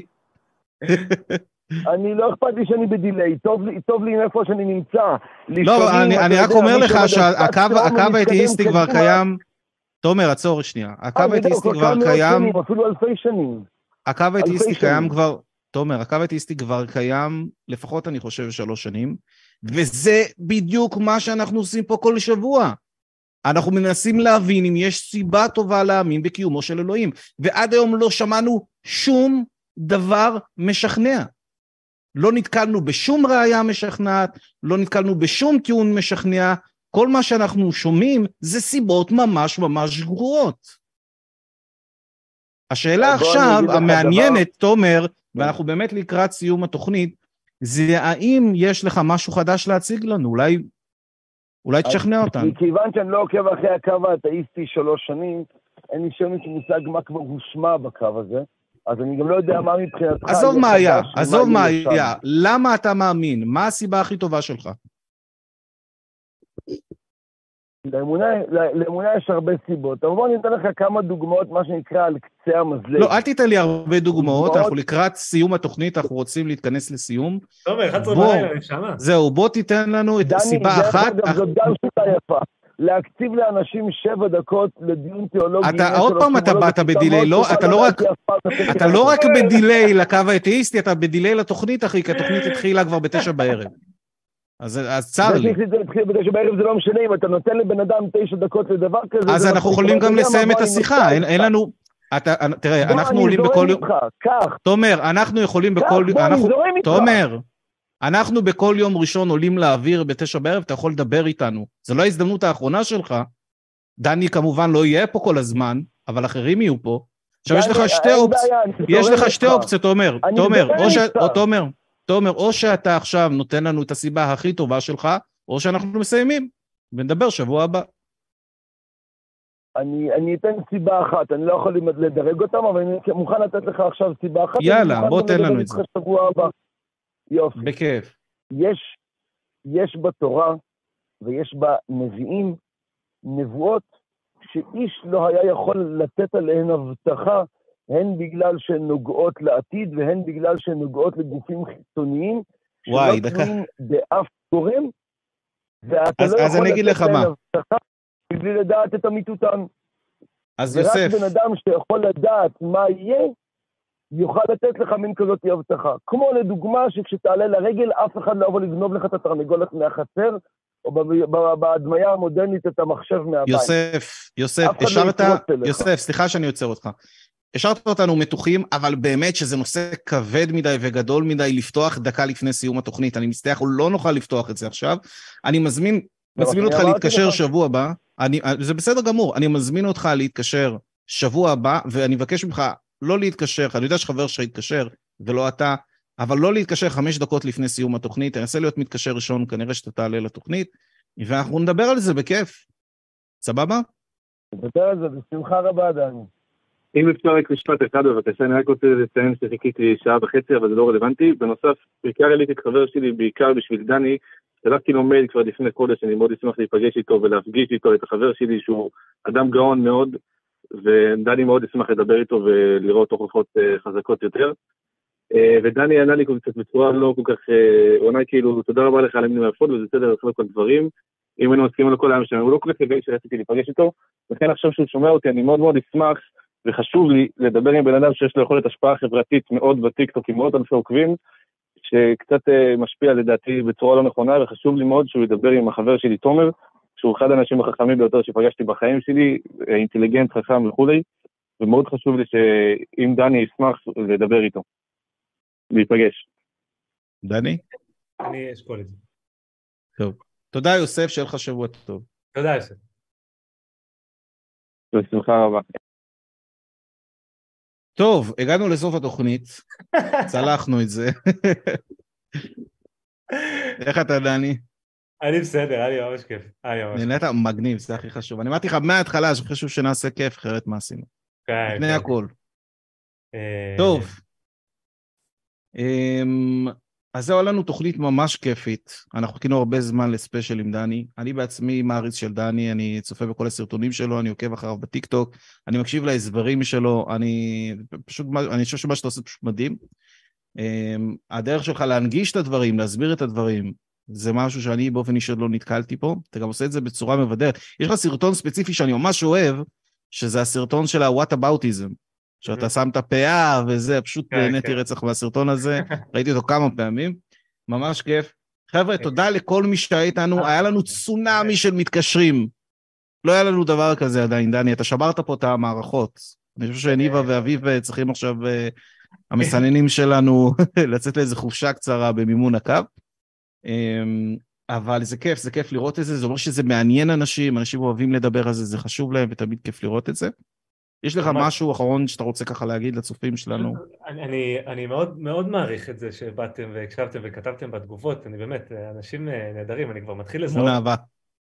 מהתגובות, ואני אני מודה שבערוץ שלי אני התרחקתי קצת מנושאי האלוהים ודת וזה, כי כל סרטון כזה גורר הרבה, אני, הרבה תגובות. שצריך uh, למחוק גם ולחסום, uh, אבל אני, אם, אם אתם רוצים עוד, אז אני אעשה עוד, פשוט כי אני באמת uh, מעריך אתכם ואני אני אוהב לדבר על זה, אני, יכול לדבר על זה לנצח. מעולה. טוב, אני באופן אישי גם ממש נהניתי. חבר'ה, אני מזכיר לכם להצטרף לקבוצה שלנו בפייסבוק. הקו האתאיסטי, תעשו כמובן עוקב אחרי דני, מי שעדיין לא עשה. אסק דני בטיקטוק, ותעשו גם לי עוקב בטיקטוק. סקפטיק טל. תודה לרזי שעשה את החיבור הזה, דרך אגב. רזי חיבר ביני רזי, לבין דני, חייב להגיד לו. תודה. רזי המלך כמובן. ותודה למפיק שלנו, ישראל האגדי, שהפיק את כל התוכנית. אנחנו נסלח לו על זה שלא היה סאונד בהתחלה. אה, זה אה, ברגיל, וכמובן למסננים שלנו, אני חושב שזה ניבה ואביב, תודה לכם. אנחנו נתראה שבוע הבא, ביום ראשון, תשע בערב, הקו האתאיסטי. תודה לכולם, שבוע טוב. תודה, תודה רבה חברים, שבוע טוב ולילה טוב. יאללה בוסטון.